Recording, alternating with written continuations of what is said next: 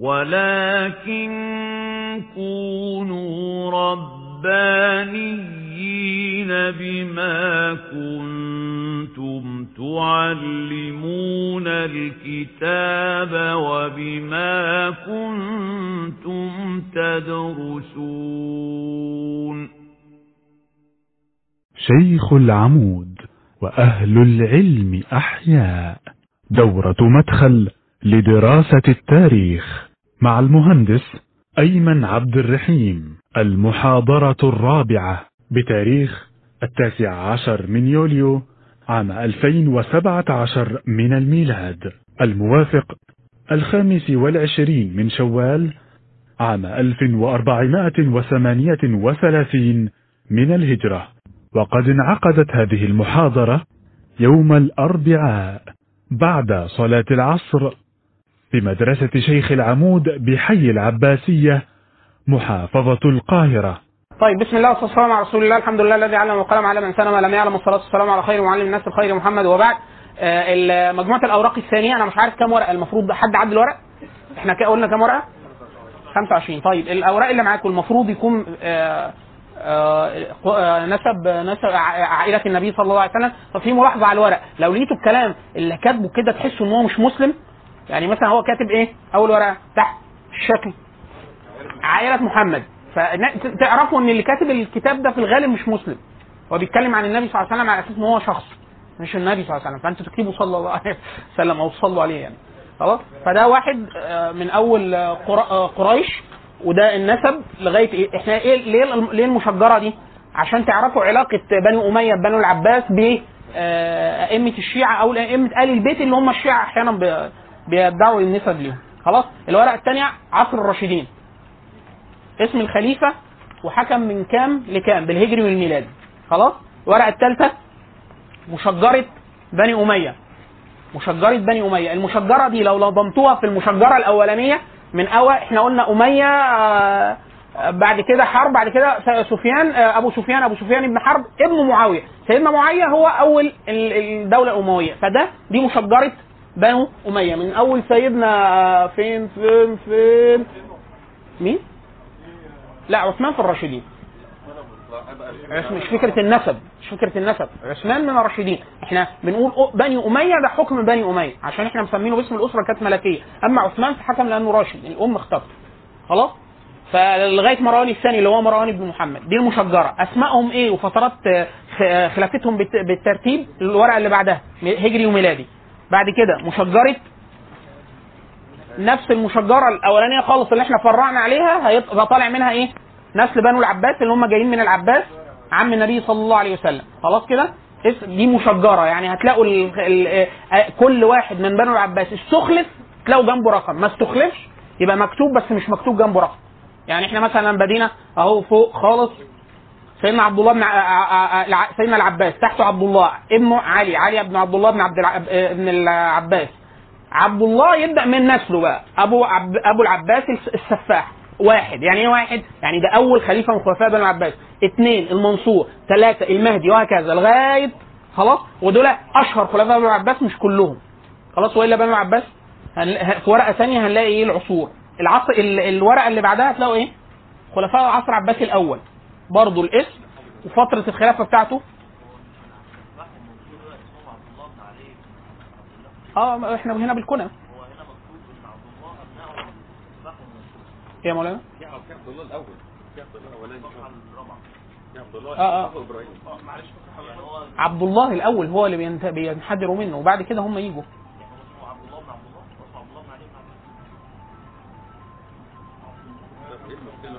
آه آه آه. كلهم أولاد عبد الله أنت قصدك إن هم إيه- إيه، أنت عايز تجي عايز تنزلهم من مين؟ أبو علي ع- ابن علي على طول؟ لا لا لا لا طيب ماشي طيب عموما لكن هم لا مش علي على طول في ناس بتقول ان داوود هو لا بس أبو العباس مش أشهر من إن هو يشكك فيه يعني. يعني لأن هو داوود هو ده كان لا لا كلمة. ل- لفظ السفاح هنا السفاح ليس له أي علاقة بالقتل. أبو أبو, أبو العباس السفاح السفاح من الكرم لأنه كان يسفح المال سفحا لكن ملوش دعوة خالص بالقتل. ماشي لكن هو ال- المعروف في كل الكتب إن هو اللقب لهذا الاسم. أما في ناحية القتل فكلهم يعني كلهم آه، توزيع القتل متساوي يعني ما ما يدوش ما يدوش أفضلية بل هو حكم مدة قليلة. يعني آه، أبو جعفر المنصور آه، عشان كده بقول لك حكم أكثر بكتير. ما هو ما هو عشان كده إحنا بنقول السفاح مش لقب مش متعلق بالقتل. ده هو أصلا بالكرم حتى في المعاجم كده. نرجع تاني. إبراهيم كلهم عبد الله. لا عذرا. مح... أول واحد في السلسلة مين؟ محمد يبقى محمد. يعني إبراهيم ابن محمد ابن علي ابن عبد الله. وهكذا. خلاص؟ طيب اللي, ور... اللي بعدها خلفاء العصر العباسي الأول. برضو أسماء الخلفاء. من أول السفاح للواثق كده العصر العباسي الأول. تمام؟ وفترة الحكم بالميلادي والهجري. العصر العباسي الثاني اللي إحنا بنسميه إيه؟ كده نهاية عصر القوة لبنو العباس الأول والثاني. خلاص؟ من أول المتوكل المستكفي. من أول المستكفي كده إحنا بنتكلم على الدول الوراثية المستقلة. يعني في خلاص ما فيش خلافة مركزية. العصر العباسي الثالث نقدر نقول دي فترة البويهيين.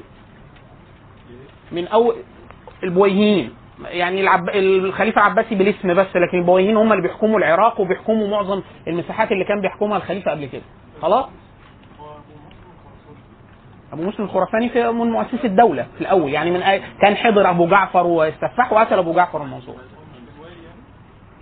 مش يعني هو ولي خراسان بس كان ماسك حاجات كتير. يعني أبو مسلم الخراساني كان حاجة أكبر. يعني كان أقوى رجل بعد الخلفاء بنو العباس. هو اللي وطد لهم الدولة يعني.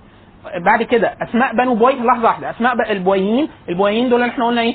المتنفذين في العصر العباسي العباسي الثالث دول اللي كانوا بيحكموا على الحقيقة. دي أسرة فارس أسرة فارسية كان لهم دولة الثلاثي ثلاث إخوات يعني الثلاثة دول جو باستدعاء من الخليفة المستكفي ومسكوا إيه؟ الخلافة وما طولوش. هتيجي بعد كده إمارة تركية سنية وهم كانوا شيعة.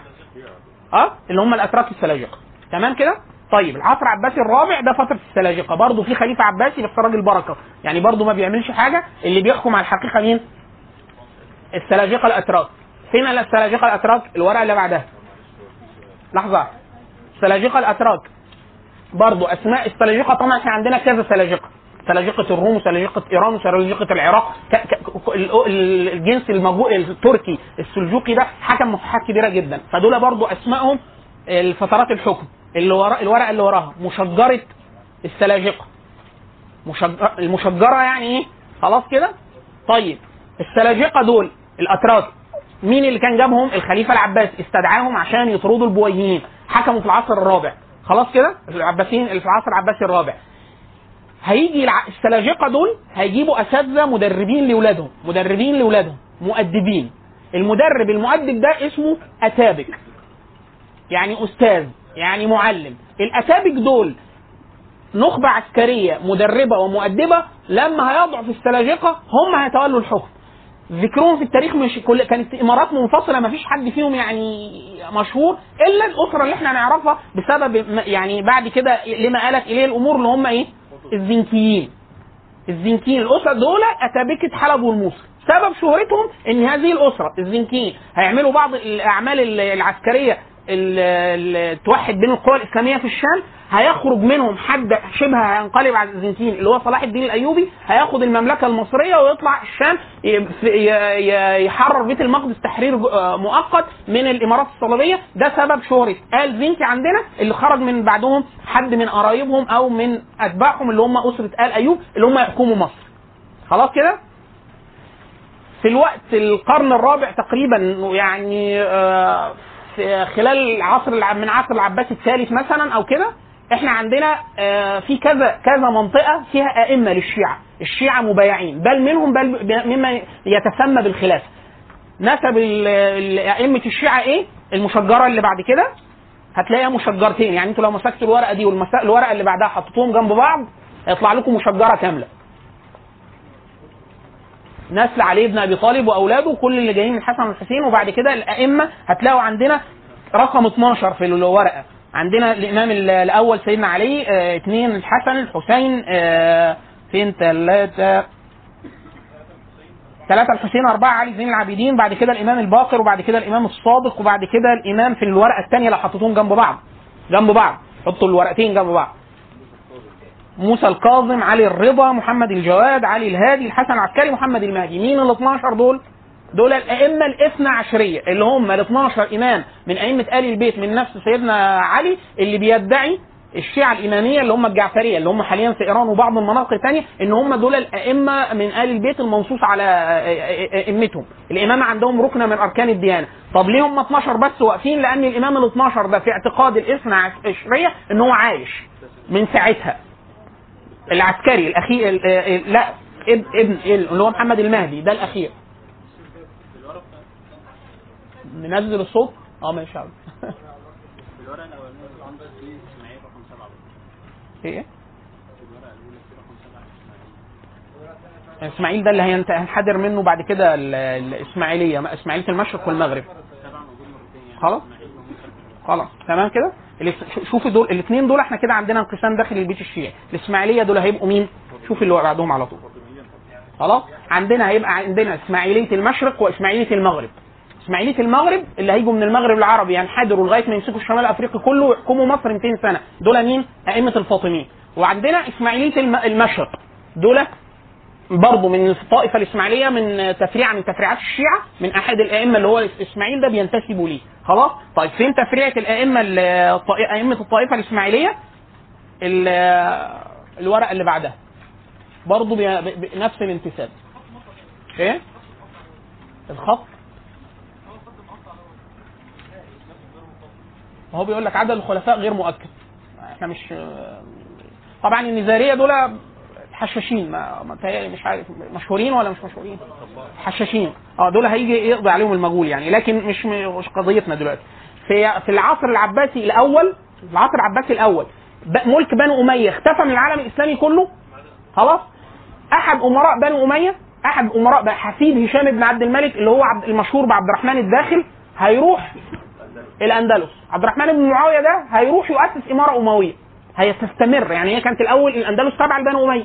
ده هيروح هيأسس إمارة. طب ما هي كانت إمارة أموية. لا ده الباقي كله بقى بنو العباس بيحكموا العالم الإسلامي كله. وهو يعمل إمارة. الإمارة دي هتستمر بالتوازي مع خلافة بنو العباس.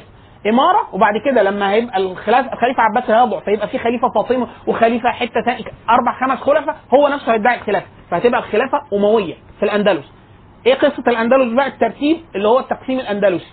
عهد الولاة عهد الإمارة عهد الخلافة ملوك ملوك الطائف بعد كده حكم الموحدين. والمرابطين والموحدين المغاربة هيحكموا الأندلس فترة وبعد كده حرب الاسترداد وطرد طرد المسلمين الأندلس. الأندلس لوحدها هتلاقوا ورقتين ورا بعض. تقسيم اللي هو التحقيق بتاع ال- الإمارات الأندلسية أسماء الأمراء الأمويين على حسب الحقبة. دي كانت الإمارة وبعد كده خلافة وبعد كده عصر ملوك الطوائف وهكذا.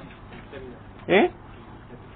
ده آه، التاريخ الإسلامي الوجيز بتاع محمد صهيب طقوش تمام؟ طبعا الورق ده كله متاخد من كذا كتاب. لو حد عايز يسأل حاجة زي كده ده كل اللي إحنا المشجر الترتيب اللي إحنا قدامنا ده من ال من التاريخ الاسلامي الوجيز. بعد كده الدولة الفاطمية.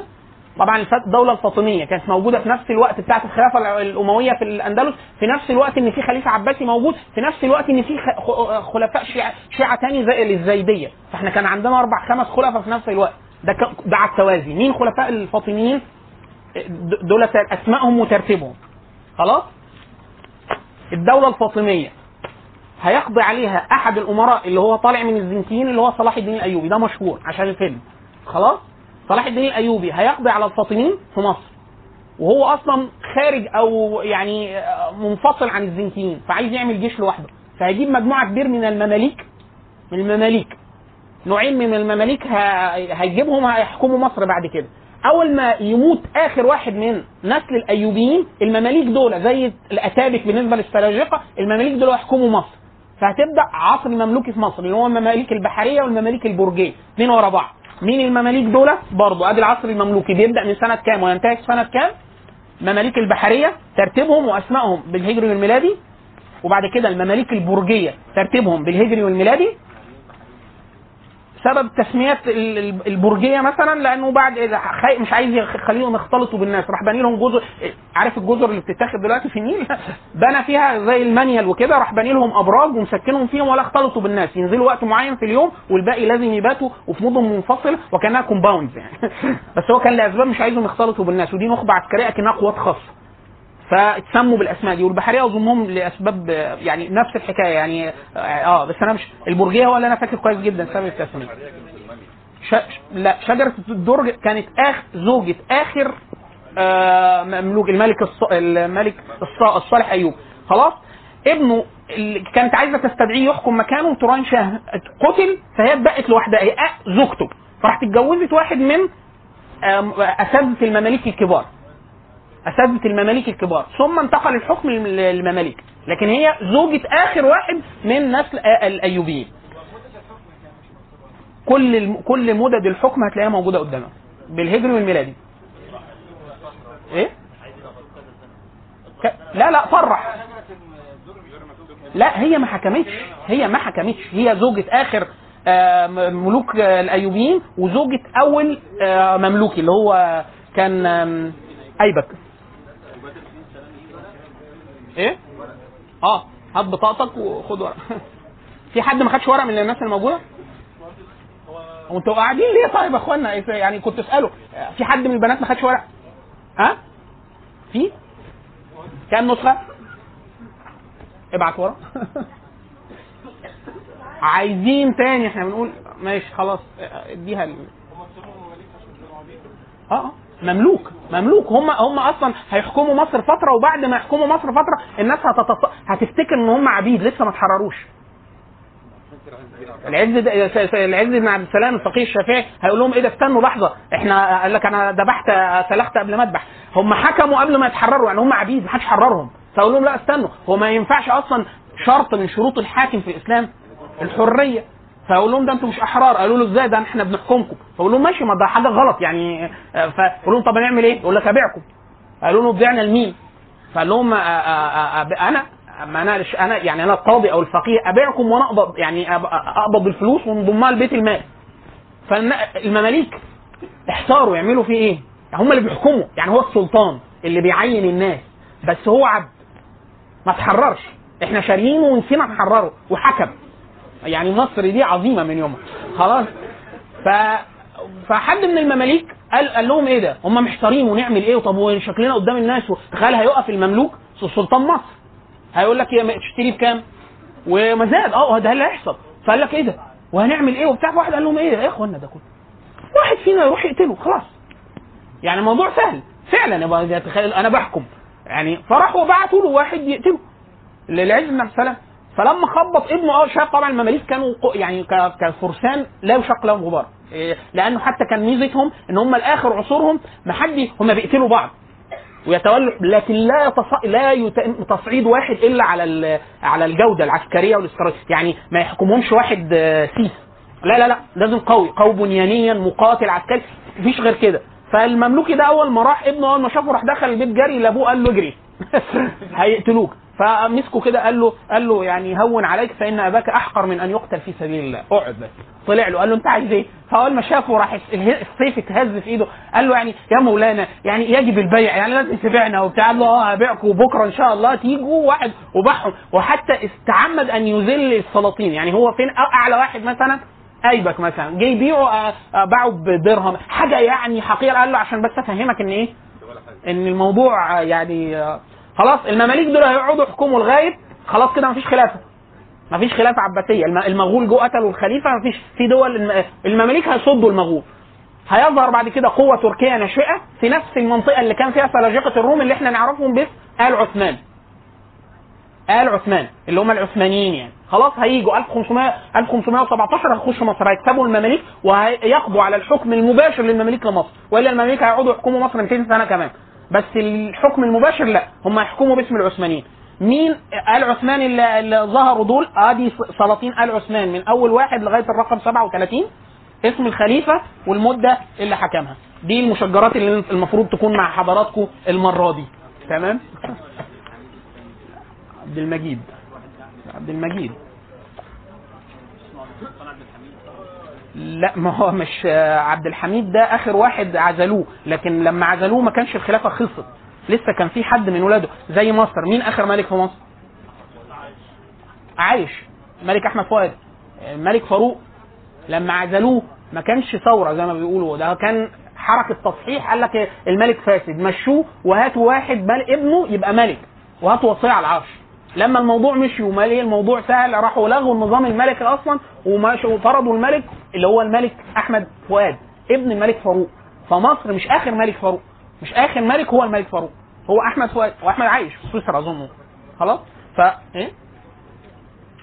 لا أنا اللي فا- اللي فاكره إن هو كان في سويسرا.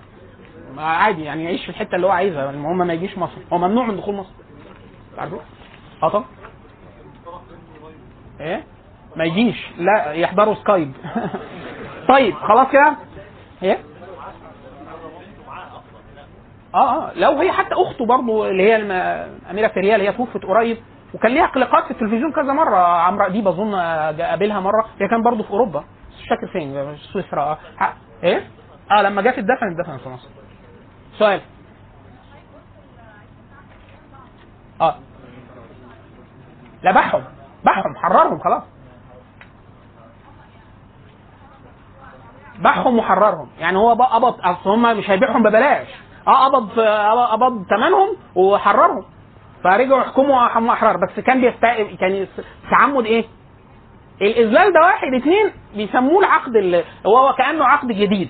العلماء عايزين يقولوا للمماليك إن إحنا في ظرف استثنائي. فأنتوا تحكموا بما يطابق الشريعة فإحنا لينا نفوذ. خلاص؟ وأنتوا إحنا هنمرر ولايتكم لأسباب إن هم قوه عسكرية ضخمه وقدرت تحمي العالم الإسلامي اللي هي القوه العسكرية الوحيدة في العالم الإسلامي اللي قدرت تقف قدام المغول. بس عشان كل واحد يعني إيه يبقى في توازن قوى هذا التوازن سيظل لغاية ما يجي العثمانيين. العثمانيين هيجوا هيبوظوا ال- الخريطة دي. لحظة واحدة لحظة إحنا ما بدأناش ده إحنا كنا بنسر الورق. خلاص كده؟ كده المفروض مع حضراتكم إيه؟ مشجرة. إيه المشجرات لغاية دلوقتي اللي خدناها؟ بحيث في أي لحظة من من أول بعث من أول ميلاد النبي صلى الله عليه وسلم. إحنا معانا ورقتين من المرة اللي فاتت ملحق بأهم أحداث التاريخ الإسلامي. تمسك أي حتة أقدر أقول لك سنة كذا مين كان حاكم؟ فين؟ خلاص؟ يعني مثلا اختبار عايزين كده. سنة مثلا 400 هجري مين كان بيحكم الأندلس؟ الورق معاكم؟ 400 هجري. أنا دوست على حاجة غلط هنا فحد ي... لا خلاص ماشي. فهنقعد ندور مين في الأندلس؟ فهات مشجرة إيه يا مولانا؟ عايزين مشجرة إيه؟ الأندلس. فين عصر الاندلسيين أهو. 400 عهد الخلافة الامويه الأموية. من 300 ل 422 هجري. يبقى كده إحنا إيه؟ في عهد الخلافة الأموية. روح لي على عهد الخلافة كده. 400 يبقى عندي محمد الثاني المهدي مات اتولى سليمان بن الحكم المستعين. وبعد كده هشام الثاني المؤيد المرة الثانية. ده كانوا بيبدلوا ولا إيه؟ وبعد كده هشام الثاني المؤيد المره الثانية. وبعد كده سليمان الحكم المستعين الظافر المره الثانية. آه، كانوا خلاص كده؟ لأن هو إحنا طبعا عندنا فترة فيصلية اللي هو هيجي فيها الحاجب المنصور. منصور بن أبي عامر قوي جدا. بعد كده الخلفاء هيبقوا يعني واحد بس هيبقى سوري وبعد كده هيختفي. حتى تاريخيا مش عارفين مات إزاي ولا راح فين ولا بتاع. ثم هينتقل الحكم لابن الحاجب المنصور ابنه. بعد كده الأندلس هتبقى ملوك طائف يعني لا يحكمها أمير آه، منفصل لغاية ما تيجي الفترة المغربية تاني. طيب إحنا عايزين سنة آه، سنة آه، 500 هجري. مين كان؟ في إيران. آه إيران. شوف بقى أنت. يطلع فين إيران دي؟ ما أنت شوف بقى. أغششك. شوف كده السلاجقة كانوا سنة 500 فين؟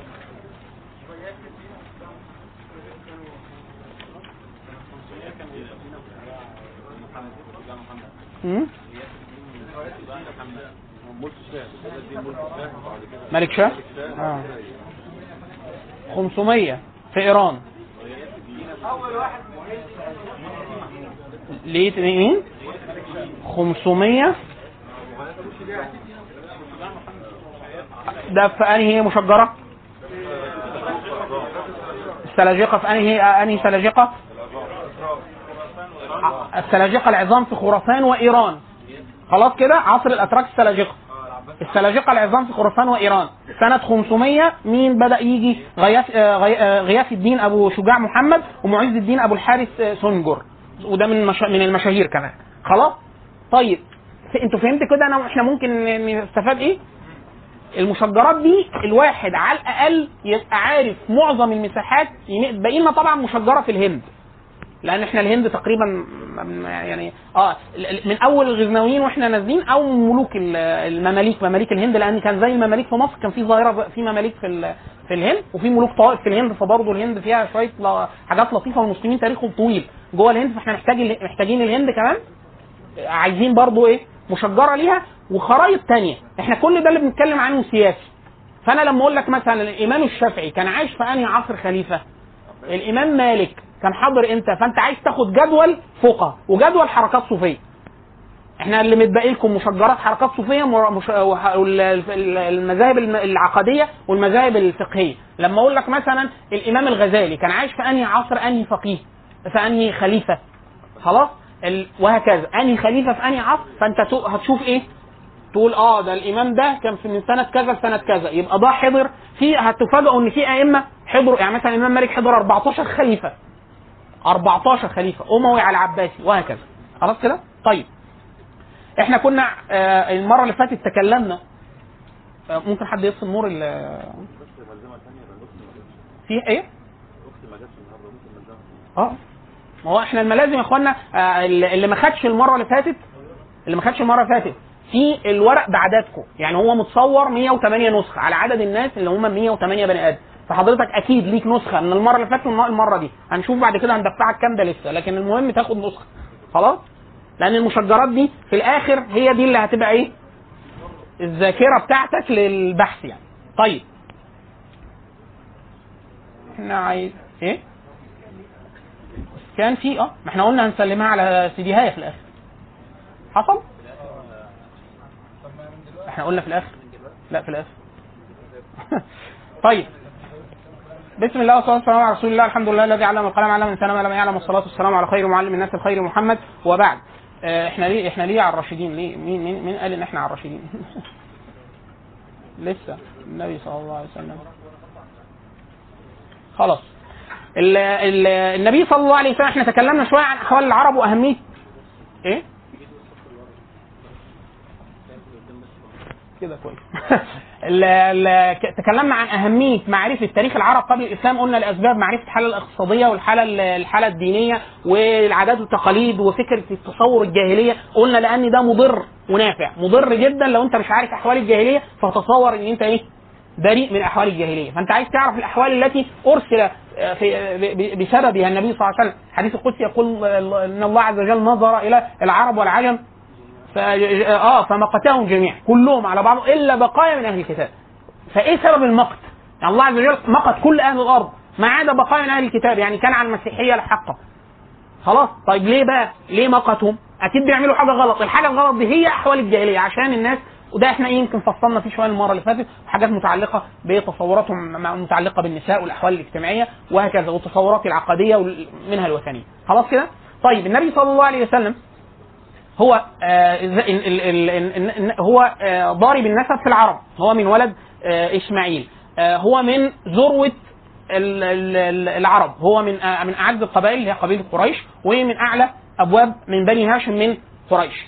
النبي صلى الله عليه وسلم كعادة يعني هو لم يبعث نبي إلا نبي واحد في غير منع من قومه. يعني سيدنا لوط الوحيد الذي بعث في غير منع من قومه. باقي الأنبياء بعثوا في بيوت قوية. عشان كده حتى كثير جدا في مخاطبات الأنبياء آه، أظن سيدنا شعيب. قال ولولا رهطك لرجمناك يعني لولا أنك لك من يتعصب لك. والنبي صلى الله عليه وسلم لو تتصوروا مقدار آه، بذل عمه ولم يكن على دين ومات على غير دين النبي صلى الله عليه وسلم ولكن كان من أشراف قريش وفي ذروه بني هاشم فيعني امتنع الناس عن إيذاء النبي صلى الله عليه وسلم بسبب منعة آه، عمه. خلاص؟ تم إن هو يقتل لحاجة إن هو في المنع إن هو يكون لا يعني يكون من من بيت أو كذا خلاص؟ فعشان كده حتى كلام سيدنا لوط مخت... مخ... تلاقيه يقول إيه؟ أو آوي إلى ركن شديد. فكرة إن هو إيه؟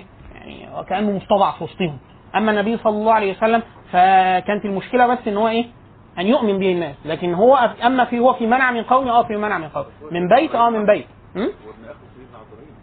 أي ماشي لكن هما الاثنين هاجروا. فهو مستضعف. يعني هو, بعد بعد حرق سيدنا إبراهيم محاولة حرق سيدنا إبراهيم ثم نجاه الله عز وجل فخرج إبراهيم ولوط لأن هو اللي آمن به خلاص هو دي الفكرة إن هو إيه مش في منع من قوم خلاص كده؟ طيب النبي صلى الله عليه وسلم أحواله في ال أحواله في ال في ال في قبل البعثة إحنا النبي صلى الله عليه وسلم قعد 40 سنة. 40 سنة قبل البعثة. ال 40 سنة دول مهمين جدا في آه، تصوراتنا إحنا عن حال العرب. يعني النبي صلى الله عليه وسلم آه، ضارب آه، يعني المعرفة بأحوال العرب.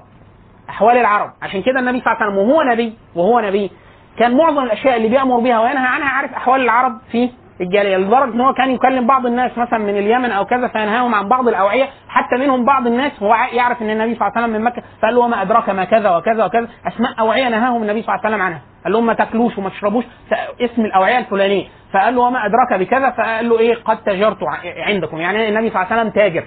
فالنبي صلى الله عليه وسلم كان عنده معرفة واسعة جدا ب احوال وكذا أصحاب النبي صلى الله عليه وسلم. خلاص؟ طيب. النبي صلى الله عليه وسلم معروف أن النبي صلى الله عليه وسلم ولد يتيم الاب ثم توفت عنه آه، أمه ثم تولى آه، جده رعايته ثم انتقلت رعاية النبي صلى الله عليه وسلم إلى عمه. دايما يقولوا إن النبي صلى الله عليه وسلم فيه مواساة لكل أحد. مواساة لكل أحد. يعني أي واحد تصيبه مصيبة فيتاسى بالنبي صلى الله عليه وسلم بقدر من هذه المصيبة. فواحد يقول لك مثلا إن هو نشأ يتيم. النبي صلى الله عليه وسلم نشأ يتيم الأب. آه وتأثم بأمي بعد ذلك. ثم نشأ فقيرا. آه ثم النبي صلى الله عليه وسلم كذبه قومه. ودي من أشد من أشد الأشياء على النبي صلى الله عليه وسلم أن يكذبك أقرب الناس آه، اليه ثم الايذاء الجسدي والبدني وكل ده تعرض ليه النبي صلى الله عليه وسلم. ثم آه، ايذاء النبي صلى الله عليه وسلم في عرضه في أحب زوجاته إليه وهي عائشة رضي الله عنها. ثم آه، فقدان كل اولاده الذكور وهو حي. ثم فقدان كذا واحدة من بناته وهو حي. خلاص؟ فالنبي صلى الله عليه إخراجه من بلده. آه، مصابه في كثير جدا من أحب الناس اليه ومن نصروه زي سيدنا حمزة عم النبي صلى الله عليه وسلم قتل ومثل به وهو حي وهكذا. فدايما يق- يق- يقولون يعني إيه النبي صلى الله عليه وسلم فيه أسوة لكل أحد. يعني إيه واحد يقول لك إيه مثلا أنا أولاده ماتوا فحزين ولم يعقب بولد ذكر فقد يت- يتغير قلب الإنسان ويحزن وكذا. أما النبي صلى الله عليه وسلم فتوفي كل أولاده الذكور عبد الله إبراهيم والقاسم وهو حي وعير بهذا. خلاص؟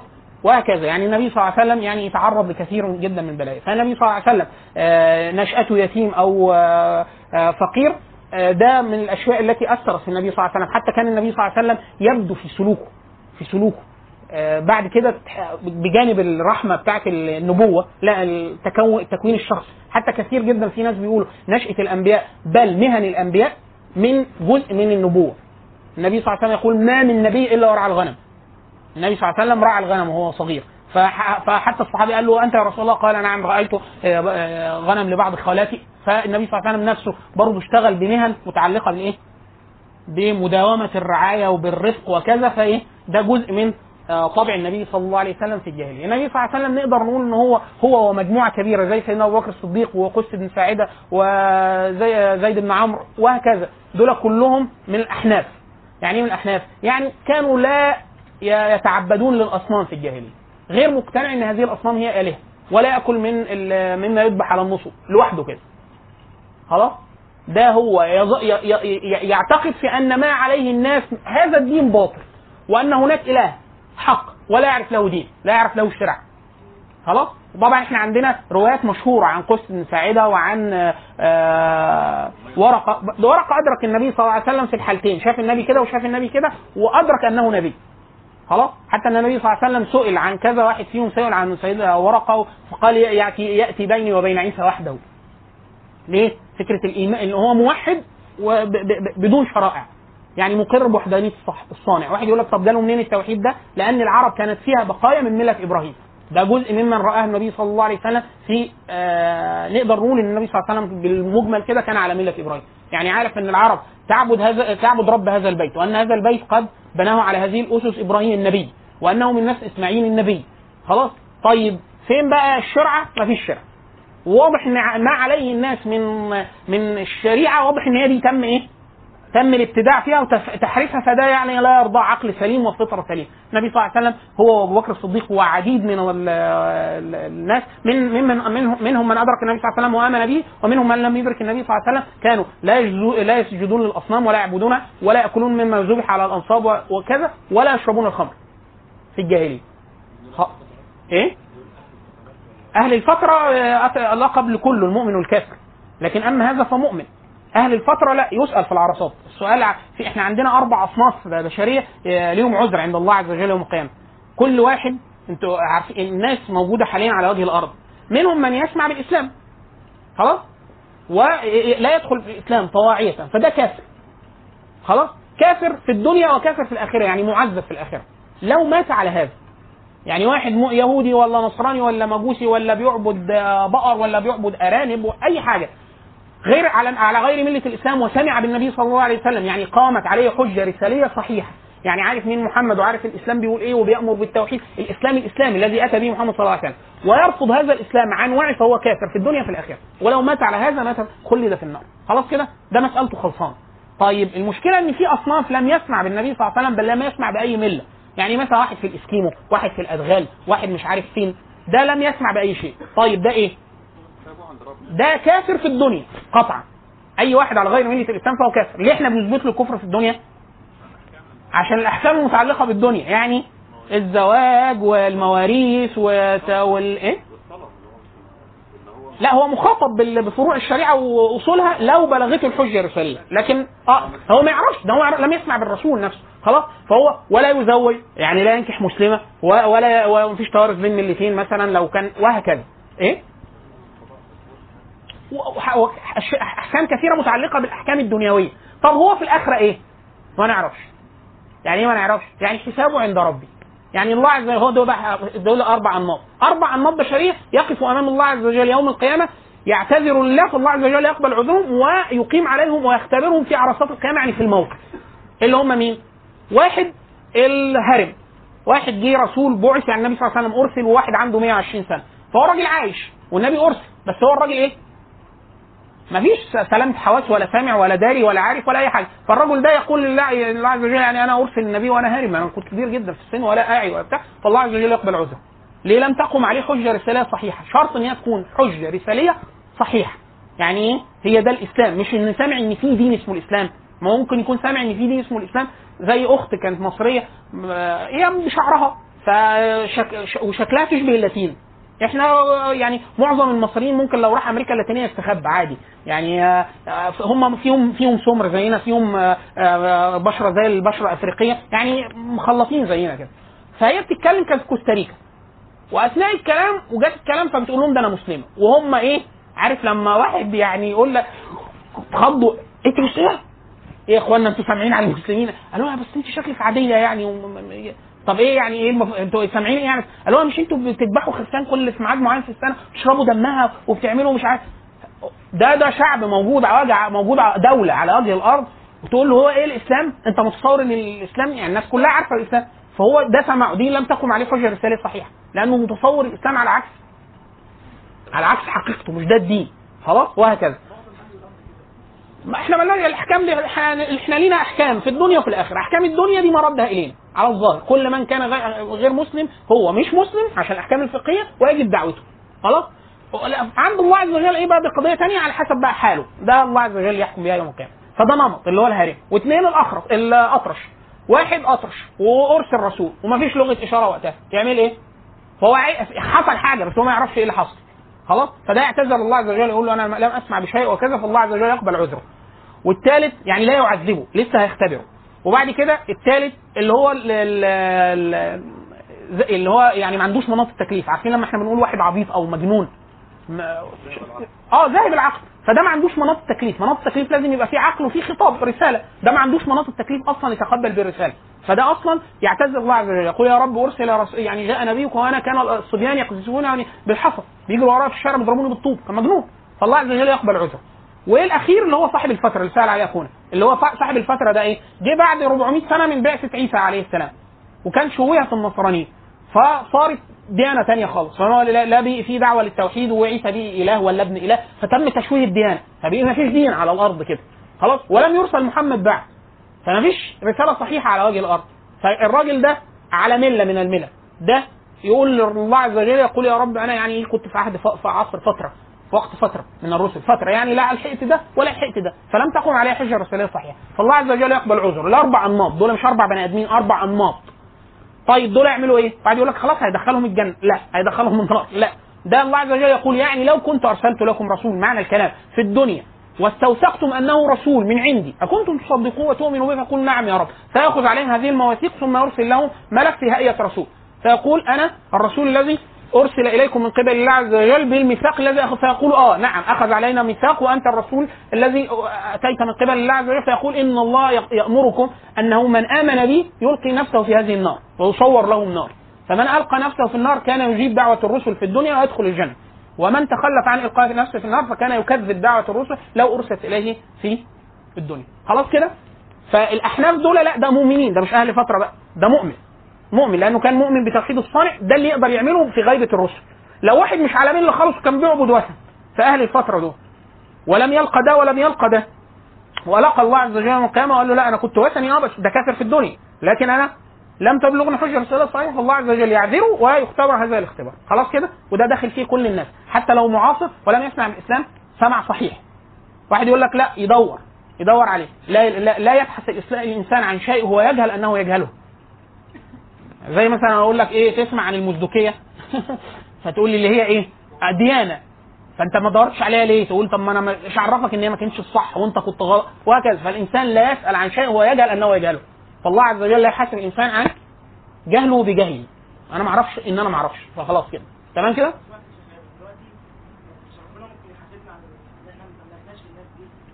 ده ده ده أكيد. على حسب القدرة. آه يعني كل واحد لا على حسب. كل واحد قادر على البلاغ كل واحد قادر على البلاغ الصحيح. يعني في واحد يقول لك إيه؟ نبلغهم يلا. لا. أنت شخصيا مش مش مش مطلوب إن أنت تبلغ. ليه؟ أنت شخصيا لما يقوم يقوم فيك شروط معينة. مين اللي يبلغ؟ لا لا ولا لا واحد حد معاه واحد متقن للسان. يعني هتدعو واحد متقن للسان اللي أنت بتدعوه. يعني هتروح اليابان؟ هتروح اليابان. يا إما هم يكون اللي قدامك متقن للإنجليزية وأنت متقن للإنجليزية فتنقل ليه معاني سليمة حقيقية عند يعني ده الإسلام. وإلا أنت ممكن تقول له حاجة هي مش الإسلام. هي نفسها مش الإسلام. فمين اللي اللي يأثم فعلا؟ اللي عنده العلم. اللي عنده العلم واللغة. لو واحد عنده العلم واللغة يأثم. طب واحد يقدر يتعلم يقدر يتعلم. اللغة والديانة اللي يقدر اثنين. يأثم على عدم التعلم. ليه؟ لأنه ما لا يتم الواجب إلا فواحد ربنا مديك ذهن صافي وعندك قدرة تعلم اللغات وعندك قدرة على دراسة الشريعة يبقى يجب عليك إيه؟ تروح تتعلم الشريعة بعد كده تعلم لغة أجنبية بعد كده تختار لك لغة أجنبية تشوف حتة آه، واحد يقول لك حتة شوف لنا حتة مصيف بحيث نبلغ ونصيف يعني الاثنين مع بعض. آه في ناس بي- بيقول لك إحنا عايزين برضو إيه؟ يعني بلاش أفريقيا يعني نروح ممكن أمريكا اللاتينية. فده اللي يجب عليه. يعني فكرة إن انت أنت مش هتلا... انت أنت شخصيا لو أنت لسه بتتعلم مش هتأثم على شيء. لأن أنت بتتعلم. زي بالظبط مصر. أنت في كلية إيه؟ في ثانوية. آه، آه، أنت عارف الحالة الطبية في مصر شكلها إيه؟ إحنا ضايعين. طبيا. خلاص في ناس كتير بتموت وبتاع مش عارف إيه. الطب فرض كفائي. يعني لازم تقوم به مجموعة تكفي المسلمين. خلاص؟ فإحنا ما كافينهمش. كلنا هنقصد طبيا يوم القيامة. لو قادرين على ده. فلو انت داخل في قدرتك ان انت تتعلم الطب خلاص وما تعلمتوش هتأثم بتتعلمه في اسم مرفوع يعني طالب في الطب. واحد يقول لك أنا في أولى طب وهعالج الناس لأن الناس بتموت لا ما تعالجهمش. تعمل إيه؟ تتعلم الأول طب. إحنا دايما القاعدة بيقولوا واحد ماشي جنب ناس بتغرق. وهو مشفق عليهم والناس بتزهق أرواحها قدامه. يقول لك أنزل أجيبهم. لا ما تنزلش. يقول لك طب أنا بعرف أعوم. تروح تتعلم العوم. يمكن تقابل واحد بعد كده بيغرق لأن دول هيغرقوا. يعني تعرف تساعد له ترمي له حبل بتاع تروح تندم على واحد بيعرف يعوم؟ ماشي. غير كده ما تعملش لأن أنت هتهلك نفسك أنت وهو. خلاص؟ واحد يقول لك طب أنا بعرف أعوم.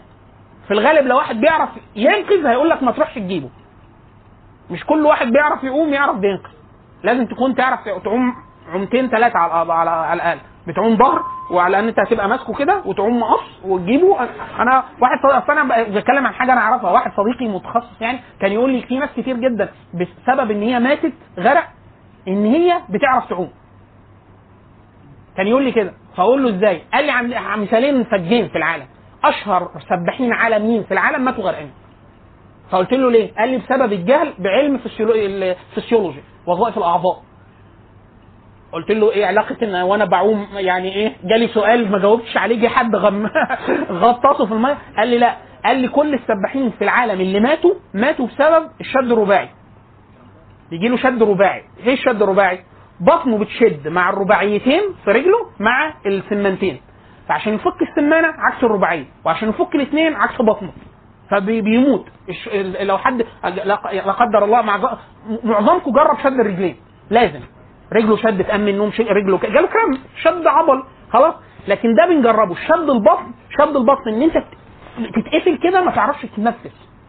لازم عشان تفك لازم تمسك آخر طرف إيدك رجلك وتعمل قوس كده لغاية ما بطنك تفك. لو عملت كده السمانة هتشد لو عدلتها الرباعية هتشد فبتموت وأنت بتفك ألامك. خلاص؟ فهو أخونا كابتن محمد ده قال لي أنا أعرف واحد بس في كل التراث الطبي اللي أنا قريته هو كان بيدرس حاجتين يعني. آه قال لي واحد بس جاله شد رباعي ونجا. استاذنا كان درس لي تربية رياضية وأنا في كلية هندسة. كنا بناخد مقررات ثقافية من بره الكلية فدرسنا تربية رياضية. ده كان دكتور محمد صلاح خراع أستاذ علم وظائف الأعضاء في كلية التربيه الرياضيه بجامعة أسيوط. وبطل العالم كمال أجسام عسكري وبطل العالم سباحة. وهو دكتور متخصص.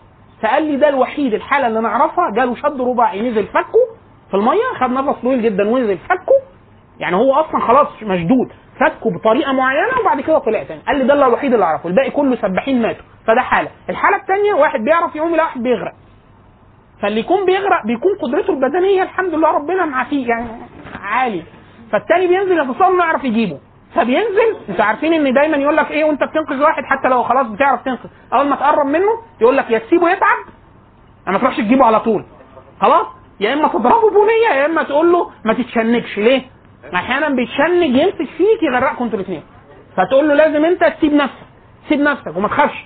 لازم يسيب نفسه عشان تعرف تنقذه. لو تشنج هيكلبش. آه بيضربه. عشان كده في ناس أنا شفت لا دي شفتها. واحد ضربه. ضربه اداله بنية خفيفة كده خلاه داخ عشان يعرف يجيبه. ليه؟ لأن هو لو قاعد بصحته هيبهدله هيغرقه. فهو لازم أصل أنا لازم أنام على ظهر وأجيبه كده وأقعد أعوم ب- لغاية ما يطلع. لو أنا مش عارف كده إحنا الاثنين إن شاء الله هنكون بنصحى وإحنا بنتحاسب خلاص كده؟ فالشاهد فكرة الفروض الكفاية إن هو لا أنت لا تأسم إلا لو أنت ما دام بتسعى ماشي. آه، خارج ماشي. يعني لكن تتعرض لشيء أنت لا تحسنه في أصدقائنا كتير زمان أيام البلطوك فتح كان مشهور. ما أعرفش ما اظن حاليا ما حدش يعرفه. البلطوك. بلطوك. بلطوك ده كان مناظرات كتير جدا وبتاع. فكان في ناس كتير يقول لك أنا بناظر إيه؟ آه، م- مسيحيين عشان يسلموا وبتاع. طب أنت روح أنت اتعلم الأول وبتاع. واحد يقول لك طب وأسيبهم كده كفار؟ لا أنت اللي أوجب عليك إن أنت إيه؟ تتعلم الأول لأن أنت كنت تكون اللي بتقوله معظمه غلط. خلاص كده؟ لحظة لحظة لحظة. خلاص؟ فالحالة الحالة التي بعث فيها النبي صلى الله عليه وسلم واحد أنه النبي صلى الله عليه وسلم كان في آه، قبيلة قوية اثنين أنه هذا المجتمع معظمه وثني قليل جدا قليل جدا منه بل نادر في مساحة النبي صلى الله عليه وسلم على غير الوثنية في ناس نصارى ويهود آه بس في حتة ثانية النبي شاف منهم آه شاف منهم ليه؟ لأن النبي صلى الله عليه وسلم تاجر ناحية الشام ففي ملل تانية شافها وفي بعض اليهود كانوا موجودين في المدينة وفي بعض اليهود موجودين في اليمن. خلاص دي الحالة إيه؟ الحالة العامة. النبي صلى الله عليه وسلم المحطات اللي ممكن نقف عليها في في في مكة وهو صغير آه، واحد فكرة آه، زواجه آه، من السيدة خديجة دي محطة مهمة جدا. قبل زواجه من السيدة خديجة واحد النبي صلى الله عليه وسلم شارك وهو سنه 16 سنة تقريبا في يوم من أيام العرب اللي هو يوم الفجار الأكبر. ده طبعا إحنا عندنا كذا كذا يوم فجار. لا هو النبي صلى الله عليه وسلم شارك في الفجار الأكبر. كان ما بين قريش وهوازن وثقيف وتقريبا قريش يمكن خسرت ولا حاجة. خلاص؟ لكن النبي صلى الله عليه وسلم قاتل معه. والنبي صلى الله عليه وسلم أدرك بعض الأحلاف في الجاهلية يعني زي حلف المطيبين وحلف الفضول حتى النبي صلى الله عليه وسلم يعني إيه اعتبره شيء حسن حتى بعد في في الإسلام. قال لو يعني دعي إلى مثلي لاجاب اللي هي فكرة المعاهدات والأحلاف في الجاهلية. وزواجه من السيدة خديجة فكرة آه واحد آه زواجه هي السيدة خديجة كانت تكبره بعدة سنوات. أحيانا في خلاف في الزواج السن اللي اتجوزوا فيها لكن الرأي 24 أو 25 النبي صلى الله عليه وسلم كان سنه. من 24 سنة ل 25 سنة. والسيدة خديجة تقريبا على الراجح برضه كان سنها 40 سنة. السيدة خديجة تاجر النبي صلى الله عليه وسلم في ماله قبل أن يتزوج بعدة سنوات ثم تزوجها. وخديجه كانت من اعون الناس للنبي صلى الله عليه وسلم في أن يتقبل فكرة الرسالة يعني إن هو يؤمن بالنبي في نفسه. يعني هي لما النبي صلى الله عليه وسلم جاء الوحي يعني طم- آه، النبي صلى الله عليه وسلم بأنه يعني إيه أهل لأن يتلقى يتلقى الرسالة وأسلمت به فتعتبر هي أول واحدة آمنت بالنبي صلى الله عليه وسلم. هي ورقة بن نوفل هو اللي هو ابن عمها. لأنه هو النبي صلى الله عليه وسلم لما شك فيما جاءه لما جاءه سيدنا جبريل آه، على رأس الأربعين تصور النبي صلى الله عليه وسلم أنه يعني شيء مما يراه الناس. يعني ممكن يكون مس جن أو كذا أو كذا. فالسيدة خديجة لما عرضت عرضته على ورقة بن نوفل وكان ورقة بن نوفل من الأحناف الحنفي ده مش لازم يكون لا- ما يعرفش حاجة ملة خالص ممكن يكون على المسيحية الحق. يعني يقرأ في التوراة ويقرأ في الإنجيل ويعلم أنه في إله وأرسل رسل وأنه موحد ومؤمن بالأنبياء وبالصانع مطلقا مع اختلاط الشرائع بسبب الابتداع والتغيير في ورقة بن نوفل كان على هذا. خلاص؟ حتى هو لما النبي صلى الله عليه وسلم قص عليه القصة قال له يعني قد جاءك الناموس الذي كان يأتي موسى. فهو عارف إن ده إيه؟ جبريل عليه السلام وهذا هو الملك الذي يوحى يوحي به الله عز وجل إلى أنبيائه. ده واحد. اثنين أنه آمن بالنبي صلى الله عليه وسلم. قال يعني ليتني فيها جدعا أو آه، شابا يعني قويا إذ يخرجه قومه يعني أنا يا ريت أبقى قوي وموجود لما يجوا يطردوك. وكأنه من المسلمين. فقال هو مخرجيهم قال نعم ما اتى أحد أحد بمثل ما آتيت به إلا عودي. خلاص؟ فده ده ده ال- ده الصورة الصورة الأولى لبعثه النبي صلى الله عليه وسلم. بعد ذلك النبي صلى الله عليه وسلم مر بعدة آه، مراحل. في أول الأمر لم يكن مأمور أصلا بالبلاغ العام. كان مأمور بالدعوة السرية فقط. خلاص؟ ثم أمر- بعد ظل ثلاث سنوات في الدعوة السرية ثم في على رأس ال- ال- الثالثه أمر الم- لغاية السنة الخامسة لمدة سنتين ب أن يدعو أهله يعني خلاص العشيرة. ممكن يكلم قريش ال- القبائل ثم بعد ذلك أمر بالبلاغ الب- البلاغ العام. النبي صلى الله عليه وسلم كل محاولاته في الأول كان أن تؤمن قريش. فإذا آمنت حملهم يعني آه، أن آه، ينصروه ويحموه حتى يبلغ الرسالة لبقية العرب ومن ثم إلى بقية العالم. المعضلة الأولى أنه النبي صلى الله عليه وسلم لم تستجب قريش بل عادته عداء شديدا، فانقسم الناس، قلة قليلة جدا من المستضعفين وبعض وجوه الناس زي سيدنا أبو بكر الصديق، زي سيدنا سعد بن وقاص خال النبي صلى الله عليه وسلم، زي سيدنا آه، أبو بكر أبو بكر الصديق وعثمان بن عفان من وجوه الناس. وقرشيين. وأهل تجارة وإما أهل تجارة أو أهل أهل قوة بدنية أو لهم من آه، يحوطهم ويمنعهم وكذا فآمنوا به ومعظم الناس رفضت إما اعراضا مش عايزة تسمع أو سمعت وكذبت أو سمعت وأمنت أنه الحق ورفضت استكبارا. وده كثير جدا من رؤوس القوم أنهم كانوا على هذا. يعني يعلمون أن النبي صلى الله عليه وسلم صادق وأن ما يقوله اللي هو القران يعني ده ليس من كلام الناس. وأنهم لعلة إما نفسية أو آه، يعني كبر في أنفسهم لم يقروا للنبي صلى الله عليه وسلم بالنبوة وعرضوه على طول الخط. النبي صلى الله عليه وسلم كل محاولاته من آه، في الع- من العام الخامس من الدعوة أول ما بدأت الدعوة مأمور بالبلاغ من خمسة لسبعه من من عام خمسة لعام سبعة بيحاول بيحاول قريش ومن جاء في مواسم الحج. يعني أي حد جاي من بره قريش في الموسم أو جاي يزور البيت بتاع النبي صلى الله عليه وسلم بيحاول. لكن هم إيه؟ لما علموا ذلك منه فيعني إيه؟ ضيقوا عليه. لكن النبي صلى الله عليه وسلم ظل على هذا حتى تيقنت قريش أن النبي صلى الله عليه وسلم حتى وهو في هذه الحالة. وأنهم وأنهم يعني رافضين مانعين كارهين لما يقول أنه سوف يتوصل لمن ينصره. لأن النبي صلى الله عليه وسلم كان هدفه الأول إن إيه؟ مش إن هو يدعو الناس أحاد كده. لا لو واحد أسلم كده كان بها. لكن النبي صلى الله عليه وسلم كان هدفه الأول إيه؟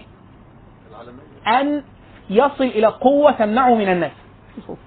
أن يصل إلى قوة تمنعه من الناس. قوة تحميه بأن يبلغ ما جاء به. عشان كده كان هو بيدور على منع. منع يعني إيه؟ عايز قبيلة قوية تحميه الأول كان نفسه إيه؟ قريش نفسها. لما قريش يعني بالغت في إيذاء النبي صلى الله عليه وسلم بدأ إيه؟ يحاول إيه؟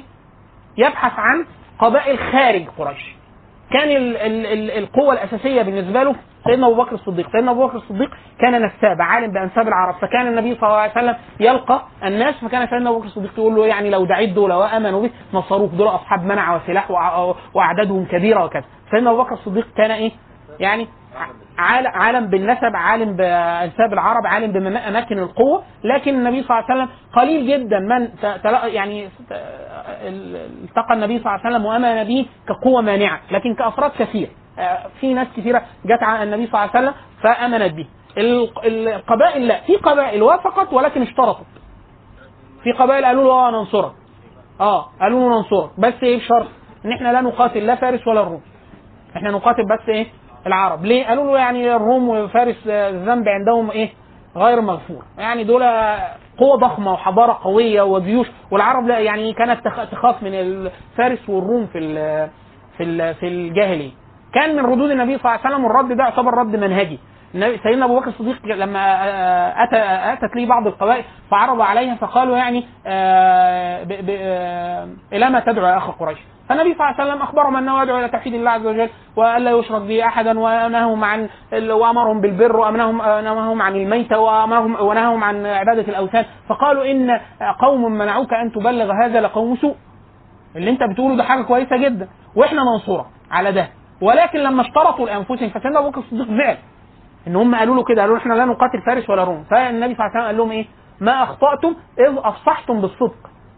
ولكن هذا الدين لا يحمله إلا من أحاطه من جميع جوانبه. دي نقطة منهجية في السيرة. أن النبي صلى الله عليه وسلم يعني قال لهم أنتم صادقين وده خصله حسنة. بدل ما كانوا يغرروا بالنبي صلى الله عليه وسلم يقولوا له هننصرك ولما يجي يحارب فارس الروم- يقولوا له لا لا نقاتل فارس الروم.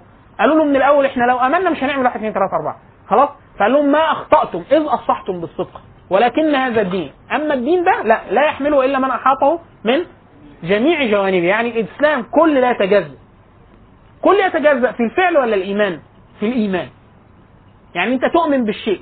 واحد يقول لك طب وايه فرق إن أنا آمن بيه وما أعملوش؟ ما أنت ممكن تآمن بيه ولم تتمكن ولا تتمكن من القيام بيه. لكن تؤمن بيه أنفع لك في الدنيا والآخرة. خلاص؟ يعني في واحد يقول لك إيه؟ أنا مؤمن أن الجهاد من فرائض الإسلام. وأنه ذروه سلام الإسلام وأنه بكذا وكذا من الثواب والجهاد حتى الجهاد المتعين ومش قادر. خلاص؟ في فرق إن هو يقول لا ما فيش حاجة اسمها جهاد أصلا؟ وفرق إن هو يقول في حاجة بس أنا مش قادر. مش قادر لا ياخذ ثوابه كامل بل في رحمك الله. بل يأخذ ثواب الشهداء كما أخبر النبي صلى الله عليه وسلم من؟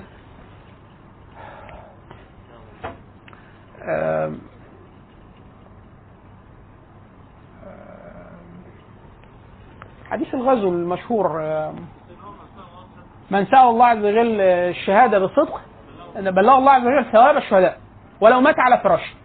خلاص؟ طب ده لم يقاتل لكن هو مقر بال... بال... بال... بالأمر ولكن هو عاجز ما يقدرش يعمل ده وده فرق كبير جدا إن أنت دايما إيه؟ الأصل إن أنت تقر بالشيء. واحد يقول لك طب يا أخي أنا مقر بحر... بحرمانية شيء وبعمله ومقر. بصواب شيء ولا أعمله ده أحسن لك من أنت تنكره. يعني أنا بيقول لك أنا أنا. بعمل منكر وعارف إن هو منكر. خلاص دي شهوة. شهوة يعني إيه؟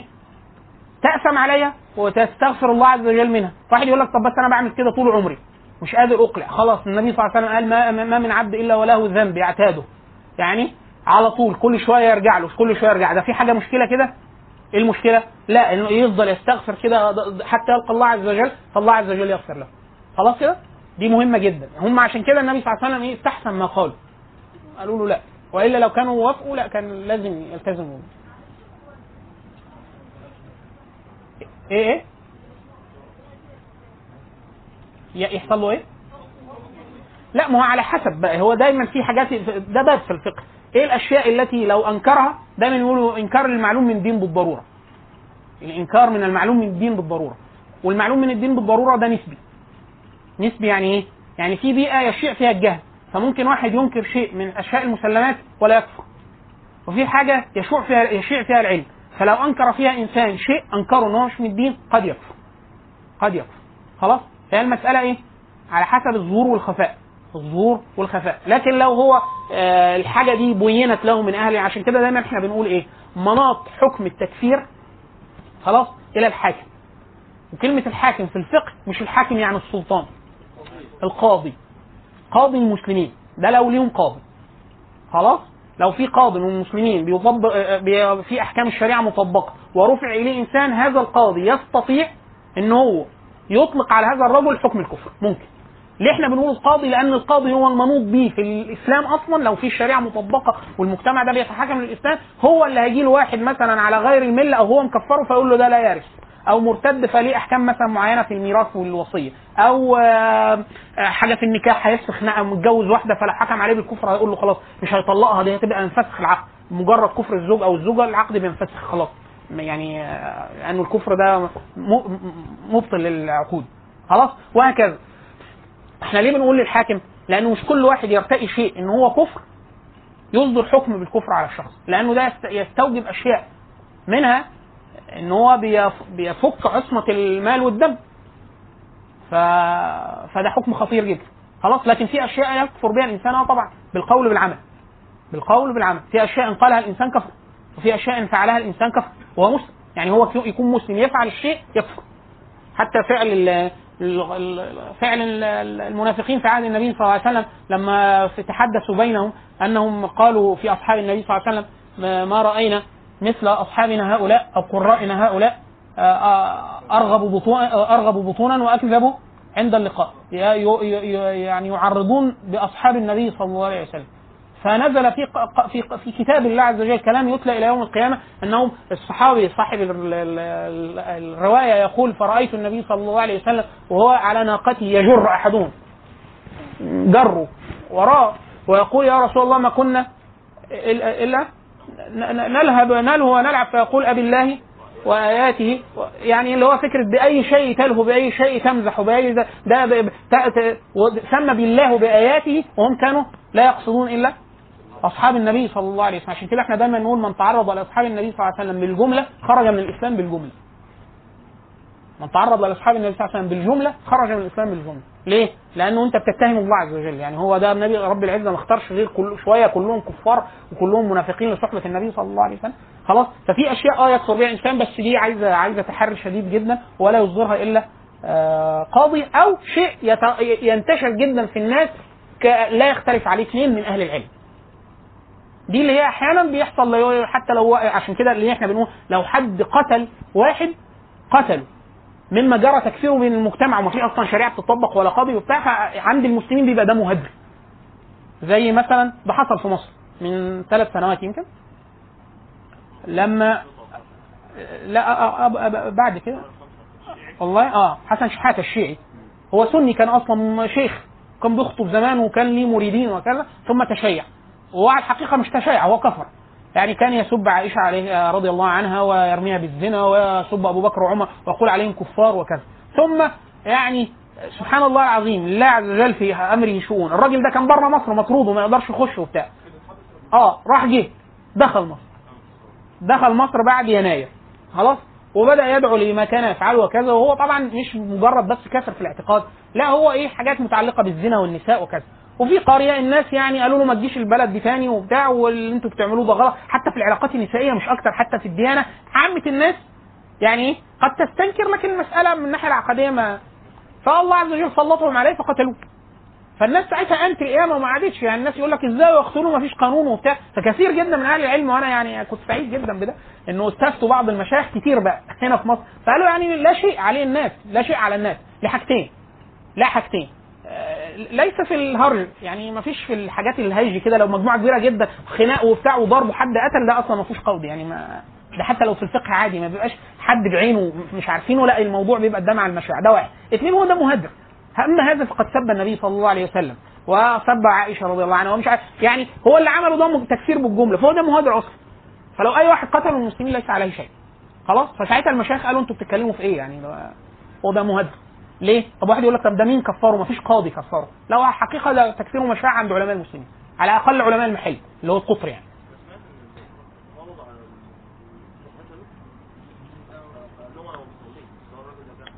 آه آه، هي يعني ساعتها هي الفكرة إن الناس قتلوه لأسباب يعني أنا الاسباب ال- ال- ال- المجتمعية يعني لكن هي سبحان الله يعني إيه آه، ربنا بعت له نصيبه يعني. طيب نستكمل. ما اصدرش ما حدش اصدر أمر ده هو الناس قتلوه. أيوه أيوه ما أنا بقول لك المف... إيه إيه؟ مين اللي حاكمه؟ اللي هو فينه؟ ما هو أنت لازم تدور على الاثنين في وقت في نفس الوقت في نفس الوقت الاثنين مع بعض يعني من قذف عائشة في عرضه يعني ما- م- اللي قال أم المؤمنين زانيه ده نعمل فيه إيه؟ تمام ندور له على قاضي ولا لأ؟ حلو قوي لو مفيش قاضي يتعمل إيه؟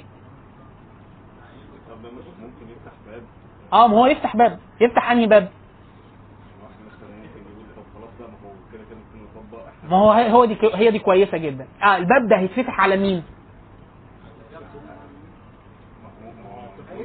بس كده هو ده هو ده. اللي انت حاسس بيه ده هو ده اللي إيه الفقيه بيقول إيه؟ بيقول الأصل إن الحدود لا يقيمها إلا الحاكم.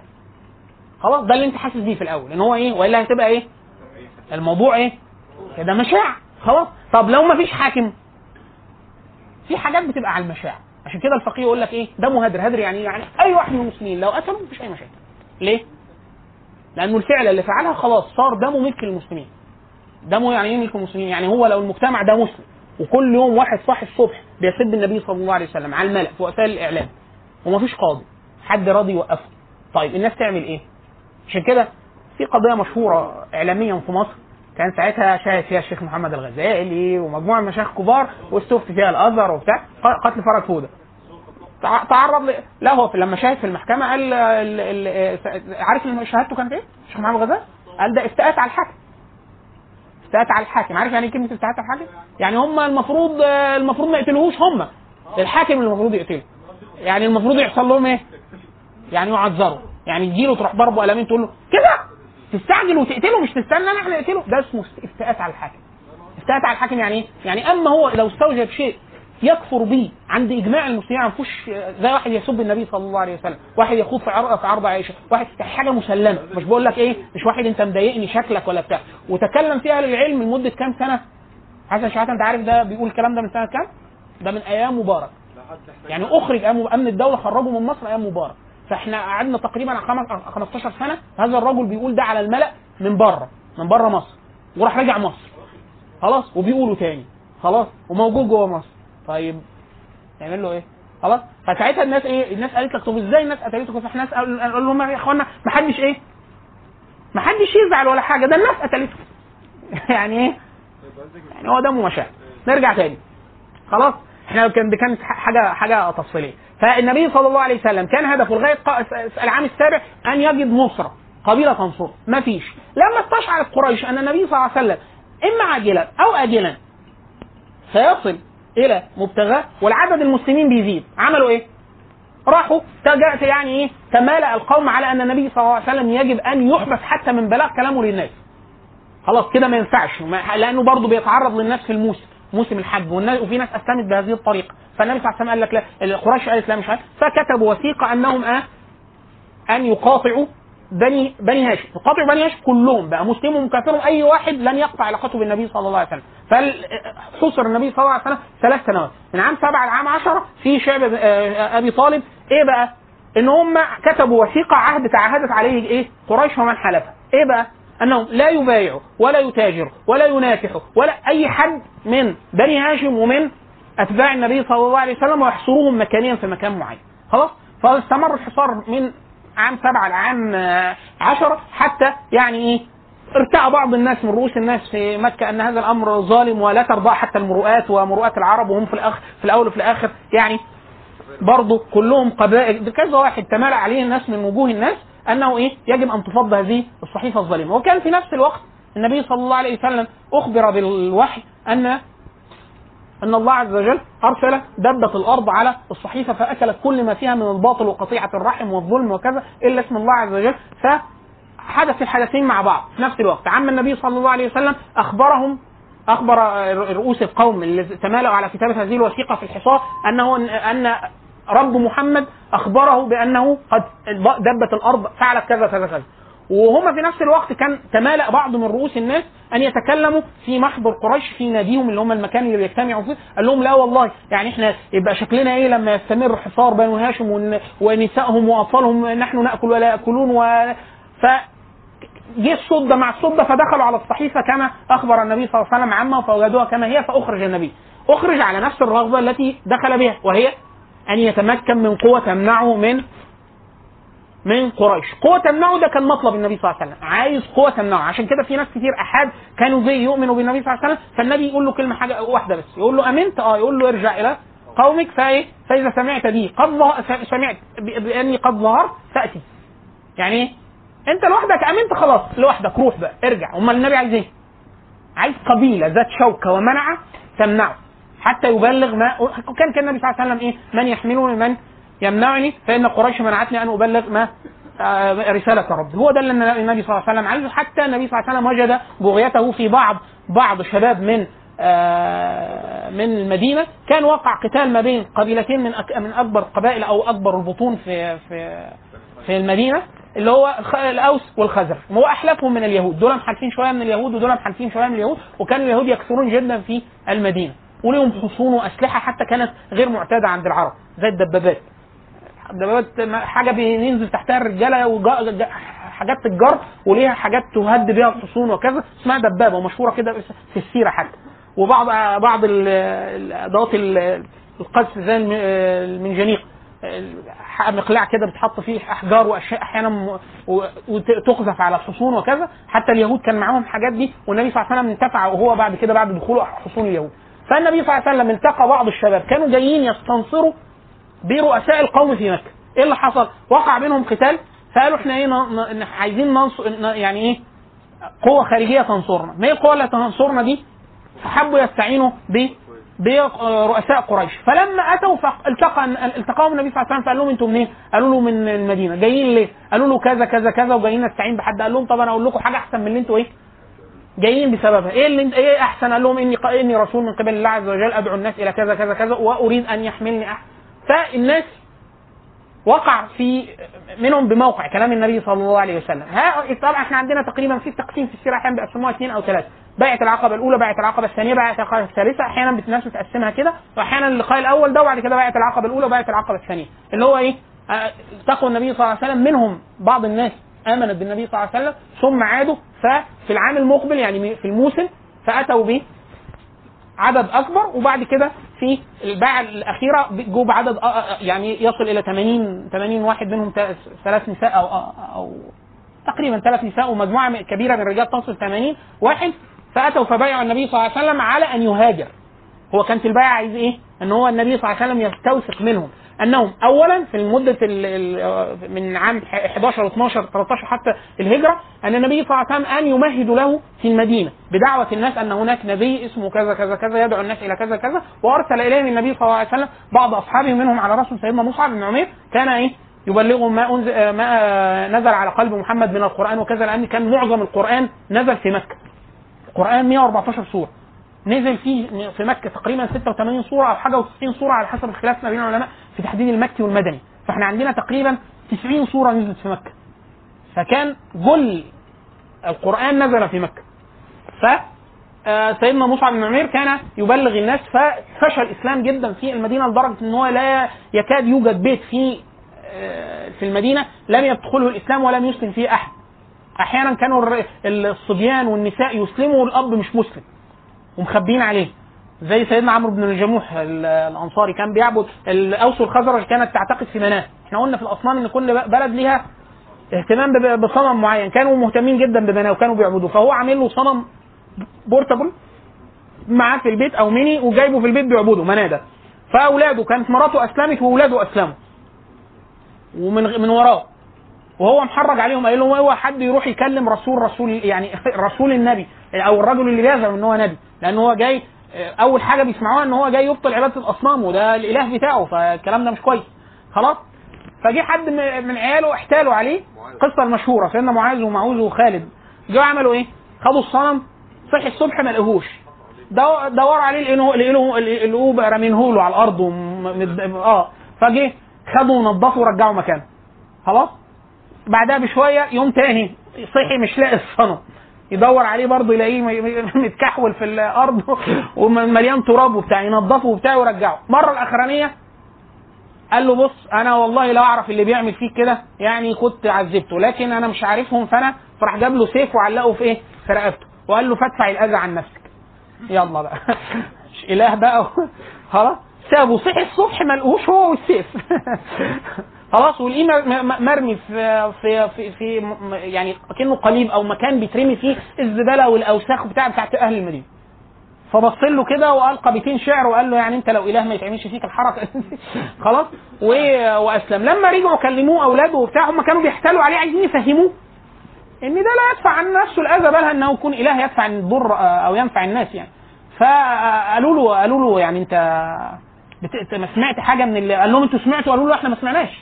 إحنا أنا سمعت واحد آه، قابل مصعب بيقول فقال له إيه يعني بيقول إيه النبي ال- أو رسول النبي يعني اللي هو يقصد سيدنا مصعب. فقرأ تلا عليه الفاتحة. فلما سمعها قالوا أك- قال له أو كل كلامه مثل هذا؟ كل كل كلامه مثل هذا؟ يعني كل الكلام بتاعه حلو كده؟ فقال له أحسن من ذلك هذا. فأسلم. خلاص سيدنا عمرو بن جموح أسلم سنة 60 سنة واستشهد يعني بعد بعد ذلك حتى هو كان أعرج.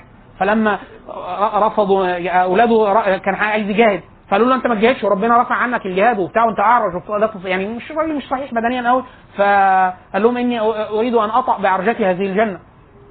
فجاء لما شكوا شكوا للنبي صلى الله عليه وسلم فقال له أنت عايز تعمل إيه؟ قال له عايز اجاهد قال له طب إن الله عز وجل رفع عنك الجهاد. فقال يا رسول الله إني أريد أن اطع بعرجتي هذه الجنة. فالنبي صلى الله عليه وسلم سمح له وقاتل واستشهد وأولاده. قابلوا بلاء حسن جدا في في في الغزوات وهم يعني قتلت قتلت أبو جهل. اثنين منهم. من قتلت أبو جهل في غزوة بدر. طيب الشاهد إن هو بعد فشو الإسلام في أهل المدينة ثم تعهد ال- ال- المدنيين في في بيعه العقبة الثانية أن يخرج النبي صلى الله عليه وسلم من المدينة أو إذا خرج من مكة تلقوهم بالسلاح والمنع في المدينة إذا بلغهم. طب يبايعوه على إيه؟ هنا البيعة دي مهمة جدا. لأن هم في بيعة العقبة الأولى بايعوه بيعة النساء.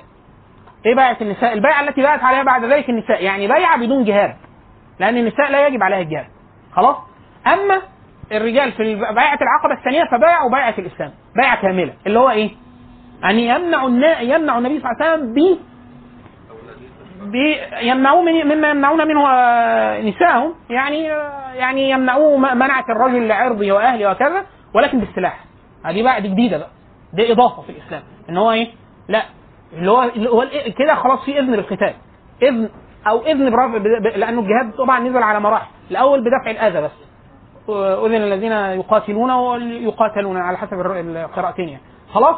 فالفكرة إن إيه؟ إن هم بايعوا بايعة الحماية إن هو يبايع النبي صلى الله عليه وسلم على أن يكون لهم الجنة بس. وحتى الأنصار دائما حظهم في الإسلام أنهم بايعوا النبي صلى الله عليه وسلم حتى لم يكن لهم لا إمارة ولا آه، أموال ولا ثراء على عكس كثير جدا حتى من الصحابة برضه. في ناس اسرت آه، آه، ثروا بعد ذلك ويعني شهدوا آه، وتولوا مناصب أو كذا إلا إلا الأنصار. إلا الأنصار. خلاص؟ فانتقل النبي صلى الله عليه وسلم على آه، بعد 13 سنة في آه، في في مكة إلى المدينة. طيب إيه اللي حصل في مكة الفترة دي؟ عشان كده نبقى عارفين إيه اللي حاصل في الإسلام. إحنا معانا معظم القرآن. القرآن معظمه نزل. خلاص؟ النبي صلى الله عليه وسلم فرض عليه الصلاة على في الإسراء والمعراج. في في, عام عشرة بعد وفاة عمه وفاة السيدة خديجة بعد خرو- خروجه من من الحصار. حصار الشعب. خلاص؟ فالنبي صلى الله عليه وسلم كده معهوش السيدة خديجة على ذمته السيدة سودة معهوش زوجات تانية. آه، عمه توفي الذي كان يحميه فلاقى منهم ما لاقي في آخر ثلاث سنوات. إيه، آه، أسري به وعرج بالنبي صلى الله عليه وسلم وفرض عليه الصلاة. على أنهي وصف؟ على الصلاة الثنائية. يعني كانت الصلاة حتى الإسراء والمعراج ثنائية على هيئة الصلاة بتاعت السفر اللي إحنا بنصليها. ما عدا المغرب. يعني كل الصلوات إيه؟ ثنائية كله ركعتين. خلاص كده؟ طيب في حاجة تانية لسه في, حاجة اتفرضت تاني الحج لسه الصيام لسه القتال أذن بيه. أذن لسه يعني ما ما خدش الأحكام النهائية. خلاص؟ وبعد إيه؟ وبرضه لسه كل كل الحاجات بعد كده فيها جزء. الصيام رمضان لا. رمضان لا. في صيام عاشوراء آه فرض. كان الأول فريضة. قيام الليل؟ كان الأول فريضة. ثم نسخ بعد كده بتخفيف. خلاص؟ وهكذا. طيب النبي صلى الله عليه وسلم أول ما انتقل إيه الجديد؟ إيه الجديد؟ واحد أن النبي صلى الله عليه وسلم في مكان له منع. المنع تحققت. اثنين مأذون له بالقتال. دي جديدة. أذن الذين يقاتلون أو يقاتلون بأنهم ظلموا وأن الله على نصرهم لقدير. أذن لهم بالقتال. ده واحد. اثنين. ثلاثة بدأت أحكام تنزل. أحكام الإيه؟ بعد كده خلاص هيبقى الصلاة بالهيئة الأخيرة بعد سنتين تغيير القبلة بعد آه، بعد سنتين الصي- الصيام بالشكل الأخير الحج بالشكل الأخير وهكذا بقى أحكام. تحريم الخمر هي كل ده في المدينة. الخمرة ما كانتش لسه اتحرمت في مكة. في مجموعة كبيرة جدا من الشرائع آه، آه، كانت لسه لم تنزل في مكة نزلت إيه؟ في ال- المدينة. فكرة الصلاة الجامعة يعني النبي صلى الله عليه وسلم أول اول ما راح المدينة عمل مسجد ده جديد. صلاة الجمعة ده جديد. في ناس بتقول النبي صلى الله عليه وسلم في خلاف بين أهل السير ولكن الراجح إن النبي صلى الله عليه وسلم لم يصلي إيه؟ جمعة إلا في في المدينة. خلاص؟ وتاسيس المسجد؟ ده جديد برضه في المدينة. فكرة إن مصلى أو كذا البيت الحرام ده موجود لكن مسجد بالهيئة المعروفة اللي هو مسجد النبي صلى الله عليه وسلم ده الجديد خلاص كده؟ طيب النبي صلى الله عليه وسلم في الفترة المد... الفترة المدنية أهم آه. لا بس مش مسجد. بيت. آه طب ما هو كان النبي صلى الله عليه وسلم كان يصلي في البيت الحرام. بيت الحرام نفسه مكة مكان ي... ي... ي... لا لا الجمعة. إحنا بنتكلم عن الجمعة. النبي صلى الله عليه وسلم يصلي جمعة إلا في المدينة. المسجد آه، العالمين كانوا قعدوا فترة كانوا يصلوا في آه لو حد آه، ما خدش نسخ يرفع إيده وأخونا حد من الأخوات ما خدش ورق؟ ورقه الأسبوع اللي فات لو الورق عندك هاته لو حد الم- المرة اللي فاتت ما خدش الورق. كان النبي صلى الله عليه وسلم يصلي يصلي في مكة في البيت الحرام قبلة للبيت المقدس. النبي صلى الله عليه وسلم القبلة قعدت 15 سنة من بعثة النبي صلى الله عليه وسلم لغاية عام 2 هجري القبلة كانت البيت المقدس. هو ده دي قبلة المسلمين 15 سنة. النبي صلى الله عليه وسلم صلى 15 سنة ناحية بيت المقدس. خلاص كده؟ طيب النبي صلى الله عليه وسلم إيه المراحل الأساسية؟ واحد الإذن بالقتال ده جديد. اثنين فكرة وثيقة المدينة. النبي صلى الله عليه وسلم لما راح المدينة المدينة فيها مين؟ فيها يهود وفيها مشركين من الاوس من الأوس والخزرج وفيها كثير جدا من أتباع النبي صلى الله عليه وسلم من آمن بالنبي صلى الله عليه وسلم وأقر بنبوته. طيب إيه الجديد بقى؟ أن من يحكم المدينة؟ من يحكم؟ النبي كان مستضعف في مكة، في المدينة لا ده مأذون له بالقتال وهؤلاء الناس قد بايعوه أصلا على القتال. خلاص؟ فالنبي صلى الله عليه وسلم وثيقه المدينة معاهدة على عهد المع... على طريقة المعاهدات العربية القديمة كتب المع- المعاهدة الجديد فيها صفة النبي صلى الله عليه وسلم. النبي صلى الله عليه وسلم لما كتب الوثيقة كتب فيها من يدخل في الوثيقة اللي هم معظم الموجودين في المدينة من اليهود وغير من الأوس والخزرج واليهود أن اليهود أحلاف للمؤمنين للمسلمين أن اليهود والمسلمين في المدينة أمة من دون الناس يعني الاثنين يحوطوا بعض ويقاتلوا مع بعض ويدفعوا لو دعا لديات يس- يساعدوا لو دعا لديات يساعدوا وهكذا. كل من خضع للوثيقة هذه مهمه مهمة جدا أنهم كلهم مردهم إلى محمد صلى الله عليه وسلم. يعني ما اختلفوا ما ما أي شيء اختلفوا فيه في أهل هذه الوثيقة فمردوا إلى محمد صلى الله عليه وسلم. ليه إحنا بنقول الوثيقة دي مهمة جدا؟ لأنها هذه الوثيقة تستخدم استخداميا في التاريخ المعاصر. إحنا أكثر شيء بنبتلى به كمسلمين في التاريخ المعاصر اللي هو إيه؟ القراءة الأرشيفية. القراءة الأرشيفية للتاريخ اللي هو إيه؟ إن أنت في حاجة دلوقتي عايز تثبتها. فعايز تقف على دماغك تقف على دماغك عشان تثبت إن دي إيه؟ موجودة من زمان. آه موجودة من زمان. فواحد مثلا عايز يقول إيه, إيه إن آه إن مثلا إيه المواطنة. إحنا عايزين نقول إن المواطنة من الإسلام. المواطنة من الإسلام. طب هي إيه المواطنة دي؟ واحد يقول لك والله ده مفهوم متعلق بالدولة القومية الحديثة. اللي هو معناه إيه؟ معناه معناه إن كل من يعيش على هذا أرض هذا هذا الوطن يعني له جميع الحقوق وله جميع عليه جميع الحقوق وعليه جميع الواجبات مثله زي أي أحد ولا فضل لأحد لا بسبب اللون ولا الجنس ولا النوع ولا الاسم ولا أي ولا اللغة ولا أي حاجة. خلاص كده؟ طيب هذا المفهوم إيه علاقته بالإسلام بفروض الإسلام؟ يعني هذا المفهوم متعلق بالدولة القومية الحديثة. الدولة القومية الحديثة دي لم تنشأ في العالم إلا بعد 1648 ميلادي. خلاص؟ طيب إيه إيه اللي يخلي هذا المفهوم ظهر في أيام النبي؟ واحد يقول لك ما هو النبي أهو في الوثيقة قال المسلمين واليهود أمة من دون الناس. قال بس قال ما اختلفتم في شيء فمردوا إلى محمد صلى الله عليه وسلم. يعني مش كلهم زي بعض. ده واحد. ده حاجة مهمة جدا. النبي صلى الله عليه وسلم لم يسوي في الحقوق والواجبات على المسلمين والكفار. ما ما قالش لم يرفع عنهم حكم الكفر. خلاص. بعض ال- الأشياء اللي لما خ- حصل خلاف الحكم اللي مش حكم النبي صلى الله عليه وسلم لأنهم ليسوا سواء. النبي صلى الله عليه وسلم لما اختلف. لما اليهود بدأت تنقض العهود أتى عند حصونهم وقالوا واعلموا أن الأرض لله ورسوله. يعني الأرض دي مش بتاعتكم. ولا بتاعتنا إحنا الاثنين لا. هذه الأرض لله ورسوله. فدي قواعد كثيرة جدا. لا تشابه. واحد يقول لك إيه؟ يعني المواطنة دي حاجة وحشة. لا حاجة حلوة ولا حاجة وحشة. يعني إيه لا حاجة حلوة ولا حاجة وحشة؟ قول لي هي إيه؟ وهذه ال- الأحكام دي إيه؟ مردها على أحكام الإسلام وأقول لك حاجة حلوة ولا وحشة. ده يج- يجيب عنها إيه؟ فقيه. خلاص؟ لكن إيه إن أنت تقول دي كانت موجودة أيام النبي؟ ده افتئات ده كذب. كذب على التاريخ وعلى الإسلام. لأن المفهوم نفسه جديد. خلاص؟ واحد يقول لك بس مفهومه كان ساعتها. لا مش مفهومه كان ساعتها. لأن ما كانش في دولة قوميه حديثة وما كانش في ما كانش في ولا حاجة من المسلمات اللي اتبنى عليها المفهوم. ده واحد. اثنين واحد يقول لك إيه؟ طب الوثيقة دي كانت تمثل دستور المدينة. برضه لا. لأنه كلمة دستور دي كلمة معاصرة. كلمة معاصرة مرتبطة بالنظام القانوني. والنظام القانوني مرتبط بالدولة القومية الحديثة. والدولة القومية الحديثة لم تنشأ إلا 1948 بعد صلح وستفالي فكل الكلام ده ملوش أي علاقة بما فعله النبي صلى الله عليه وسلم. النبي صلى الله عليه وسلم ما فعله كان بحق النبوة. طب يعني ده مش دستور؟ لا مش دستور. لا مش دستور يعني؟ لا ده ما حصلش توافق بين كل أهل المدينة وكتبوا. ده النبي صلى الله عليه وسلم كتبه والناس اللي دخلوا معاه في الأحلاف وافقوا على هذا. خلاص؟ دي حاجة مهمة جدا. طيب النبي صلى الله عليه وسلم أسس المدينة أسس دولة في المدينة. إحنا بنقول المقولة برضه مغلوطة. النبي صلى الله عليه وسلم أسس نظام سياسي في المدينة آه ممكن. نظام حكم في المدينة آه ممكن. دولة لأ. لأن كلمة دولة في العلوم السياسية أي حد دارس علوم سياسية يعرف إن كلمة دولة لا تنسحب إلا على الدولة القومية الحديثة. يعني إقليم وشعب وسيادة. وده لا يلتئم تماما ما فعله النبي صلى الله عليه وسلم. ليه؟ لأنه ما فيش إقليم محدد. وإلا النبي صلى الله عليه وسلم معظم سرايا السرايا اللي عملها كانت إيه؟ خارج المدينة. ومعظم الغزو بعد كده غزا مناطق تانية بره المدينة. خلاص بقى جيوش النبي صلى الله عليه وسلم كانت على تخوم الروم وغزا بها إيه؟ مكة وغزا بها بقية القبائل. بنو حنيفة وبنو أسد وغطفان وبنو سليم وهكذا. فده لا يتوائم مع فكرة الإقليمية اللي في مفهوم الدولة القومية الحديثه عشان يبقى معاك دولة التعريف القانوني للدولة.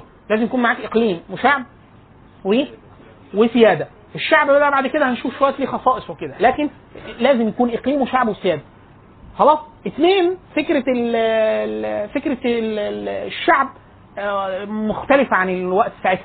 فكره إحنا هناك وقتها عندنا في الأحكام ساعتها أحكام الديار. يعني أنا كمسلم يهمني الديار. يعني إيه أحكام الديار؟ أنا دلوقتي في الدار بتاعتي ولا دي بلد تانية؟ عشان بس أحدد أحكام السفر وأحكام الزكاة. الزكاة تطلع بره المحل ولا لأ؟ لو طلعت براها أقصر ولا ما أقصرش؟ الحاجات اللي زي كده. غير كده؟ لأ. غير إيه؟ غير كده إيه؟ غير كده لأ.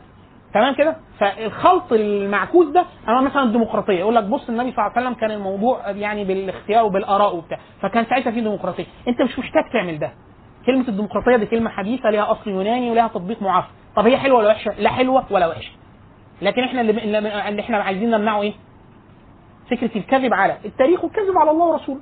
أنا مرة سمعت بودني بودني.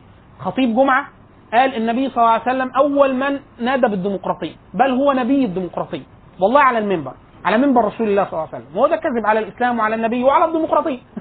خلاص. ومرة تاني سمعتها بودني في الإذاعة المدرسية قصدي إذاعة القرآن إذاعة مصر. واحد بيقول ان المواطنة دي من المواطنة دي من من يعني من أحكام الإسلام. يا ليه يا حبيبي؟ ليه يا بابا؟ ما حدش ضربك على إيدك عشان تعمل كده. في حاجة تعرض عليك تقول حاجة كويسة ولا وحشة؟ أو تقول الجزء ده يتوائم مع كذا في الإسلام ده ده مش عيب. النبي صلى الله عليه وسلم لما كان نبيا قال إيه؟ قال شهدت حلف شهدت حلفا في الجاهلية لو دعيت إلى مثله في الإسلام لأجبت. اللي هو إيه؟ حلف الفضول حلف الفضول. وقبل حلف المطيبين كانوا أن يجتمعوا لنصرة المظلوم كائنا من كان فيأخذ حقه من الظالم من الظالم كائنا من كان. ده حاجة حسنة. الانتصاف للمظلوم والانتصار له ده حاجة حسنة. قول إن ده يقر الإسلام. حاجة كويسة. ماشي كده؟ حاجة كويسة. ده ده كويس. قول لي الإسلام يقر مثلا اتفاقية فيينا. لا الإسلام ما يقرش اتفاقية فيينا. الإسلام يقر حقوق الإنسان. لا الإسلام ما بيقرش حقوق الإنسان. أمال بيقر إيه؟ فاصل حقوق الإنسان دي وأنا أقول لك. ليه؟ لأن اتفاقية حقوق الإنسان دي اتفاقية دولية. ليه؟ ده مع معاهدة دولية. لها بعض البنود. في بنود تتوافق مع الإسلام. في بنود لا تتوافق مع الإسلام. فأنت لو قلت لي أنا بقول شايف إن الإنسان لا يقتل ولا كذا بسبب دينه أقول لك آه ده آه ولا يؤذى بسبب دينه آه ولا ويعدل عليه. يعني ياخد حقه كان كان كان. يا عم ده وثني وثني وياخد حقه برضه. ليه النبي صلى الله عليه وسلم كان عايش مع مع يهود ونصارى وثنيين فكله إيه؟ والمسلمين لما فتحوا الأراضي اللي هم الصحابة واصحاب النبي صلى الله عليه وسلم يعني تعاملوا مع اليهود والنصارى والمجوس على قدم سواء. والمجوس ده بيعبد نار. خلاص كده؟ فده يعدل عليه آه يعدل عليه ياخد حقه آه ياخد حقه فأنت لما تقول لي إن الراجل ده ليه حق بغض النظر هو بيعبد إيه أقول لك آه ده كلام. تمام تقول لي والمرتد في الإسلام والمبدل. لملة الإسلام ومسميها باسم ملة ثانية له نفس وأقول لك لا يعني يعني واحد بيقول لك أنا مجوسي وهخش مصر أعمل مش عارف إيه وبتاع مش عارف إيه وهطلع أو هعيش ماشي ليه؟ مجوسي أنت راجل إيه؟ يعني بقول لك أنا بعبد نار. خلاص أنت كفر. أنا هعمل لك إيه؟ لا إكراه في الدين. قد تبين الرشد من الغي. ده لا يعدل عليه. آه يعدل عليه. ياخد حريته ياخد حريته. طب أنا راجل بهائي. لا ما يعدلش عليه. ليه؟ لأن الراجل ده بيكذب على الرسول. هو نفسه بيقول إن ده تفريعة من الإسلام. دي جديدة بقى. عشان كده إحنا دايما وده كانت قضية مشهورة من أيام حسني مبارك لما بدأوا الناس فكرة إن يكتب الدين في البطاقة ويكتب بهائي. فحد قال لهم اخوانا ما دام أنتوا يعني طب ليه ما يتكتبش؟ فكان في رد حسن ساعتها من مفتي الجمهوريه رد كويس فعلا. قال لهم هذا الوطن أو هذه البلاد لا تعترف إلا بالم... بال... بال... بالمله بالملل بال... أي حاجة من الملل الإبراهيمية. يعني يهودي ماشي. مسيحي ماشي. آه مسلم ماشي. غير كده لا. فقديري لا. بهائي لا. بدي لا. مش عارف ليه؟ لأن هذه المية تكذب على الإسلام. تكذب على الإسلام. يعني هو بيقول لك ده أنا مو أنا يعني إحنا إحنا مؤمنين إن في نبي وفي قرآن بس جه نبي بعد محمد لا. ده مش حلو ده. خلاص كده؟ فلازم يتفقط الحكاية. يعني حقوق المراه إحنا إحنا مع حقوق المرأة. ما أنهي حقوق؟ حقوق إن هي لا تضرب ولا يعتدى عليها جسديا؟ آه. إن هي لا تزوج آه، على غير آه، رغبتها بالشروط المعروفة في الفقه؟ ماشي. إن هي مش عارف واحد تعلم تاخد حقها من التعليم ماشي. إن هو مش عارف إيه ماشي. إن هو لا ينتهى إن هي تورث ولا تمنع من الميراث زيها زي أي حد عشان الناس بتطغى عليها ماشي. إن هي مش عارف إيه ماشي. إن هي لا تتعرض لايذاء في المجال العام ومش عارف ماشي. كل ده كويس. في حاجات تانية؟ لأ. لأنه منع منها صاحب الشريعة. لأن هي باكج بتتقال. يقول لك من حقوق المرأة في العموم. معظم مؤتم- مؤتمرات المرأة العالمية. يقول لك إيه؟ حقها في الاجهاض حقها في الممارسة المثلية للجنس. حقها مش عارف إيه. حقها ممارسة الجنس خارج نطاق الزوجية. حقها إيه؟ إيه؟ ما يعني ما نلغي الإسلام طيب. ما أحسن. نلغي لكم تلت القرآن عشان ترتاحوا. وهكذا. فهي الفكرة في إيه؟ إن الإنسان أحيانا في شريط كان لحد شيخ سعودي زمان. اسمه الشيخ محمد صالح المنجد كان اسم الشريط رائع جدا. اسمه التراجع تحت ضغط الواقع. كان بيجيب شوية فتاوى من المسلمين. اما شيوخ يعني؟ كو- أحيانا بيبقوا عاقلين بس أحيانا تحت ضغط الواقع. عايز إيه؟ يقول لا الإسلام ده الإسلام ده, متوافق مع الإسلام متوافق مع كل حاجة متوافق مع الكفر متوافق مع النصرانيه يا عم استنى متوافق مع إيه؟ في فرق إن أنت تقول أن هؤلاء الناس فعلوا أشياء من بقايا الفطرة التي أرسلت بها الرسل فوافقوا الإسلام فشيء فإحنا نقر بده. وفي فرق بين إن تقول الإسلام بيقر بما يقوم به الجميع. ده باطل. في فرق إن إحنا نقول واحد يقول لك إيه يعني أنتوا مش في حاجات بتقروا بيها زي حلف الفضول إحنا بنقول آه إيه السبب؟ لأن هذا مما من الفطرة التي جاءت بها الرسل، إحنا بنقول كل البشرية فيها قدر من الرسل، من من من من الفطرة التي أرسلت بها الرسل، يعني واحد يقول لك إيه اليابانيين عندهم نظافة والأوروبيين مش عارف بنقول لك إيه؟ ما هو الناس كلها كل فطرة حسنة على الأرض مما اتت به الرسل. ثم حرفت الديانات وتبقى قدر من الشرك وقدر من الأخلاق الحسنة، فالأخلاق الحسنة دي مما أتت به الرسل. عشان كده النبي صلى الله عليه وسلم قال إيه؟ إنما أتيت إنما بعثت لأتمم صالح الأخلاق أو مكارم الأخلاق والروايه الأشهر صح صالح الأخلاق فإن في أمور صالحة آه دي مما أتت به الرسل. النبي صلى الله عليه وسلم يقول مثلا مثل الأنبياء من قبل المثال المشهور بتاع إن الأنبياء كبناء وفي لبنة ففي بناء تام آه مما أتت به الرسل. فالرسل أتت بإيه؟ أتت بالتوحيد وأتت ببر الوالدين وأتت بالرحمة وأتت بالصدق وأتت بمنع الكذب وأتت ب... كل ده واحد يقول لك طب ما هو يا أخي عارفينه من غير رسل لا من غير الإسلام. ما هو الإسلام هو دين الرسل. يعني الإسلام هو الدين الذي بعث به من الرسل من أيام آدم لغاية محمد صلى الله عليه وسلم. فكل فطرة حسنة واحد يقول لك الهنود يا أخي البوذيين والكونفوشيين عندهم حاجات آه، شيء كويسة زي أكنها عن زي الإسلام. طب ما هذا مما جاء به الرسل.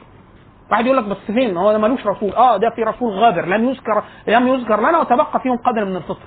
واللي مطلع على الكتب القديمة لو حد شاف الفيداس مثلا أو أو أوبن الشاد مثلا الكتب الهندوسية بتاعت البراهما والهندوس وبتاع يجد فيها مقاطع كاملة. هذا الكلام من كلام الرسل يقينا يقينا. إيه السبب إن إحنا بنقول يقينا؟ لأنه موافق لما جاء به النبي صلى الله عليه وسلم قطعا وما جاء به الرسل قبله. فإحنا عارفين قطعا. وبل في آيات واضحة بالنص على نبوة محمد صلى الله عليه وسلم. خلاص؟ فإحنا بنقول إن آه ده كانت مما أتت به الرسل وحرف زي الإنجيل وزي التوراة وكذا. واحد يقول لك يا أخي المسيحيين عندهم صدق وأمانة وبتاع. إيه ده؟ اتت به الرسل. يعني هو المسيحي ده إيه؟ ما هو في قدر كبير جدا من التعليم اللي موجودة في الأناجيل المحرفة التي بين أيديهم حتى الآن مع اختلاف الملل والمذاهب مما أتى به عيسى عليه السلام. ومما أتت به مما أتت به الرسل. ومما أقر في شريعة محمد صلى الله عليه وسلم. واحد يقول لك يا أخي اليهود عندهم لما سبحان الله ما هو ده؟ واحد يقول لك ال- البراهمة والكونفوشيين واللي مش عارف آه، آه، عندهم صلوات شبه اللي عندنا. يكونش متاخده إحنا خدنا منهم. يعني سبحان الله العظيم هذا هذه الصلاة التي أرسلت بها الرسل. وهذا الصيام الذي أرسلت به الرسل. وهذه الفطرة التي أرسلت بها الرسل. ثم جاءتهم الشياطين فاجتالتهم عن دينهم. بس ده. فلو هم عندهم خلل ده من الشياطين ومن عبث أنفسهم. وإن كان عند لديهم شيء من الفطرة السليم فهي مما أتت به الرسل من الشرائع والتوحيد والأشياء ال- التي مثل هذا. طيب. آه، في في في بعض الرسومات زي كده ممكن تطالع في شوية مشجرات وجداول بس مش هنطبعها يعني آه، هي لطيفة في تقريب المعلومة زي اللي موجودة دي آه، المغلوس بيستخدمها الدكتور مغلوس في الاطلس يعني بيقسم على شايفين الأرقام ولا الارقام مش واضحة؟ المربعات السوداء الدوائر السوداء فيها مربع فيها أرقام. فيقول إيه؟ الرقم ده سن النبي صلى الله عليه وسلم. يعني يقول 40 سنة البعثة. 43 الدعوة. خلاص أمر على رأس السنة الثالثة بال من البعثة بالدعوة الجهريه 45 الهجرة الأولى الهجرة إلى الحبشة عشان تنظموا الأحداث. 47 حصار النبي صلى الله عليه وسلم يعني بعد سنة سبع سنوات من البعثة الحصار في الشعب. آه لما كان لما كان عمره 49 آه موت آه آه عم النبي صلى الله عليه وسلم والسيدة خديجة. رأس ال ال 50 آه النبي صلى الله عليه وسلم كان سنه 50 آه دعوة أهل الطائف. لما خرج من الشعب حاول يستنصر بقبائل أخرى فراح للطائف وردوا عليه أسوأ رد رد على النبي صلى الله عليه وسلم منذ بعثته. وبعد كده آه، في نفس العام عام الحزن برضه آه، أسري بالنبي صلى الله عليه وسلم وعرج به. في عام 51 بايع- بايعة العقبة بعد كده البيعات على على حسب اختلاف في التسمية أو الترتيب. بايعة العقبة الأولى الثانية الثالثة أو الثانية والثالثة على طول. وبعد كده على رأس ال 53 يعني كان ع- 13 سنة من البعثة هجرة النبي صلى الله عليه وسلم إلى المدينة، النبي صلى الله عليه وسلم معظم السرايا والغزوات كل الغزو كان بعد الإذن بالجهاد يعني بعد الهجرة، فالنبي صلى الله عليه وسلم غزا يعني مجمل الغزا الغزوات تصل 27 غزوة لم يجاهد فيها النبي صلى الله عليه وسلم بنفسه إلا في تسع غزوات بنفسه الشريفة. يعني النبي صلى الله عليه وسلم إيه؟ ما أنا هو عشان ما أنا بقول لك إيه، معظم المعاصرين يستخدموا هذا المصطلح. ده متاخد من اطلس المغلوس. معظم المعاصرين يستخدموا للأسف هذه المصطلحات. يعني يقول لك وثيقة المدينة بمثابه بمثابه دستور المدينة. آه النبي صلى الله عليه وسلم وقت تأسيس الدولة.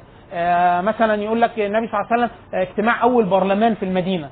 أنا شفت ناس من الحفاظ الكبار زي الشيخ الشيخ الكتاني وبتاع. آه، ليه؟ هو تحت ضغط الواقع عايز يجيب نفس المصطلحات يحطها. يعني يقول لك بص النبي صلى الله عليه وسلم لما دعاهم وبتاع فكأنه ده أكنه برلمان. أول ما الستات جو كلموا النبي صلى الله عليه وسلم في كذا فثني عليهم فده وكأنه أول تمثيل نيابي للمرأة في التاريخ. كلام زي كده اللي هو ليه؟ ليه يا حبيبي تعمل كده؟ ليه؟ مش محتاج مش محتاج. يعني أوروبا أوروبا أوروبا نفسها ما بتقولش على نفسها كده. يعني ما بيقولوش بيقول لك إحنا ده اكتشفناه سنة كذا. النظام ده أول مرة نمارسه. في فرق بين إن أنت تقول احترام الإسلام للمرأة أو تقدير تقديرها في مقابل الجاهلية. خلاص؟ واحد يقول لك آه ده أول تمكين للمرأة. لا ما كانش تمكين ما كانش. ليه؟ كلمة تمكين المرأة ده مصطلح ليه؟ ليه شوية حزمة كده موجودة متعلقة بالنظام النيابي. واحد آه، إما بالحصة ثابتة أو كوتا للنساء. آه، اثنين مش عارف ثلاثة شوية حاجات كده. ده مش موجود مش بل مش موجود أصلا في ذهن المشرع في الوقت ده. يعني النبي صلى الله عليه وسلم لم يأتي يأمر بشيء ده عشان كان عايز يمكن المرأة. واحد يقول لك إيه؟ يعني النبي كان ضد تمكين المرأة. يا سيدي ما كانش لا مع ولا ضد لأن المصطلح لم يظهر لم يخلق بعد. أمال النبي كان مع النبي إيه؟ النبي كان النبي. يعني كان يدعو الناس لما يوحى لما يوحى إليه. بس.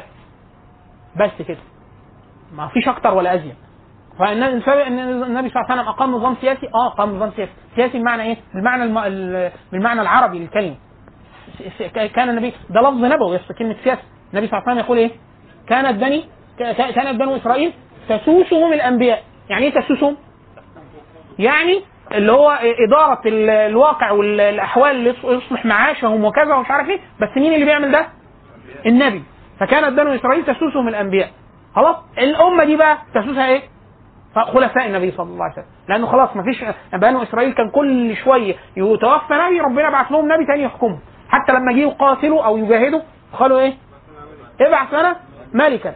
نقاتل ده عايز حد عشان يقاتل معاه. خلاص أما هذه الأمة فلا نبي بعد محمد صلى الله عليه وسلم. أمال إيه؟ إما خليفة؟ طب ما فيش خليفة؟ الأمة تقوم بال- بالفرائض. الأمة تقوم بالفرائض. يعني ما فيش خليفة؟ الناس ما تجاهدش؟ تجاهد. لا تأمر بالمعروف تنهى عن المنكر؟ تأمر بالمعروف تنهى عن المنكر. تبلغ ما اوحي لا آه تدعو الناس؟ آه. في خليفة وكويس كان به. ما كانش في خليفة وكويس برضه كان به. يعني هو افرض حاكم من حكام المسلمين وظالم وبتاع وفاجر وبيجاهد في سبيل الله. يبقى يجاهد معاه. ويصلي يصلي. يعني إذا أحسن أحسن الناس معه. وإذا أمرهم بمعصية فلا طاعة إيه. لمخلوق في معصية الخالق. كحديث عبد الله مسعود قال يا رسول الله فإن أمرني بمعصية. فقال إيه؟ ويحك يا ابن مسعود لا لا طاعة لمخلوق في معصية الخالق. ده لما يكون إيه؟ اتفضل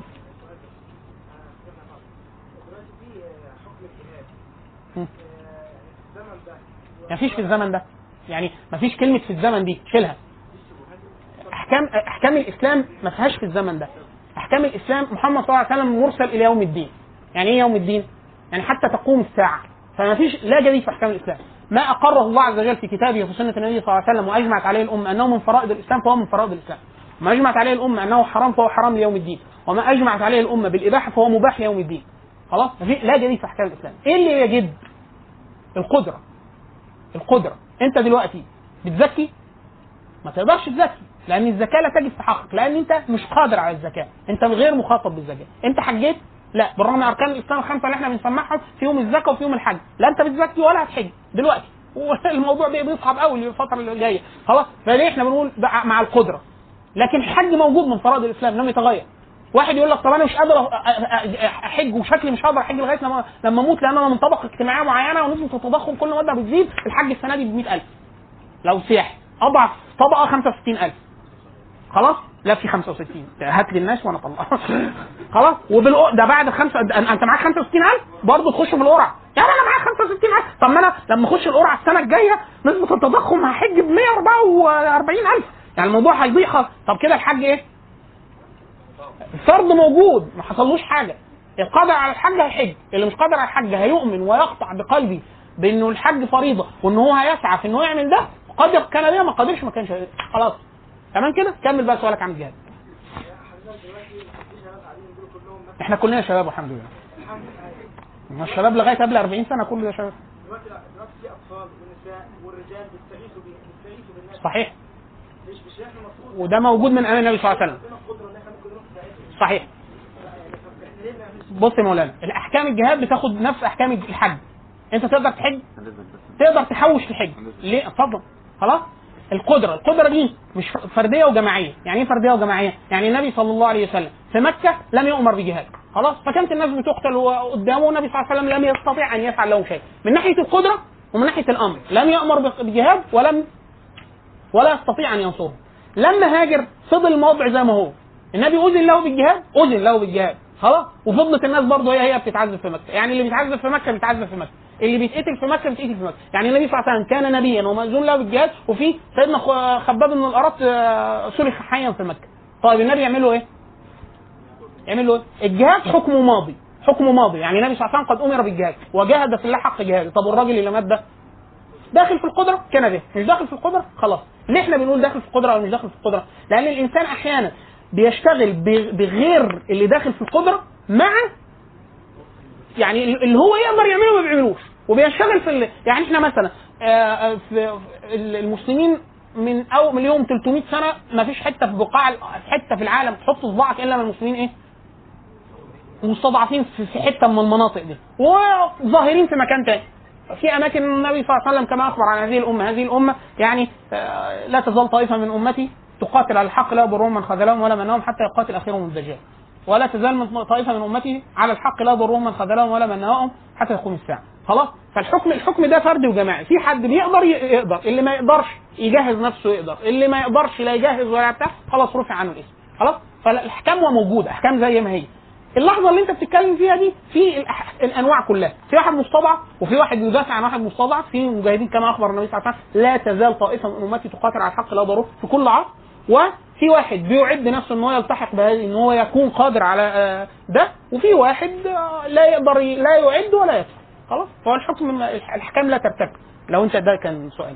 طيب. آه، إحنا نتوقف نتوقف عند هذا ال- الحد. إن شاء الله المرة الجاية ننتقل من اواخر سيرة النبي صلى الله عليه وسلم وندخل في عهد ال- الراشدين. رجاء رجاء. الفترة اللي جاية منما إحنا هنتقابل بعد كام يوم؟ آه أربع أيام تعملوا إيه في الاربع أيام أنا عايز اقدم تكليف والله.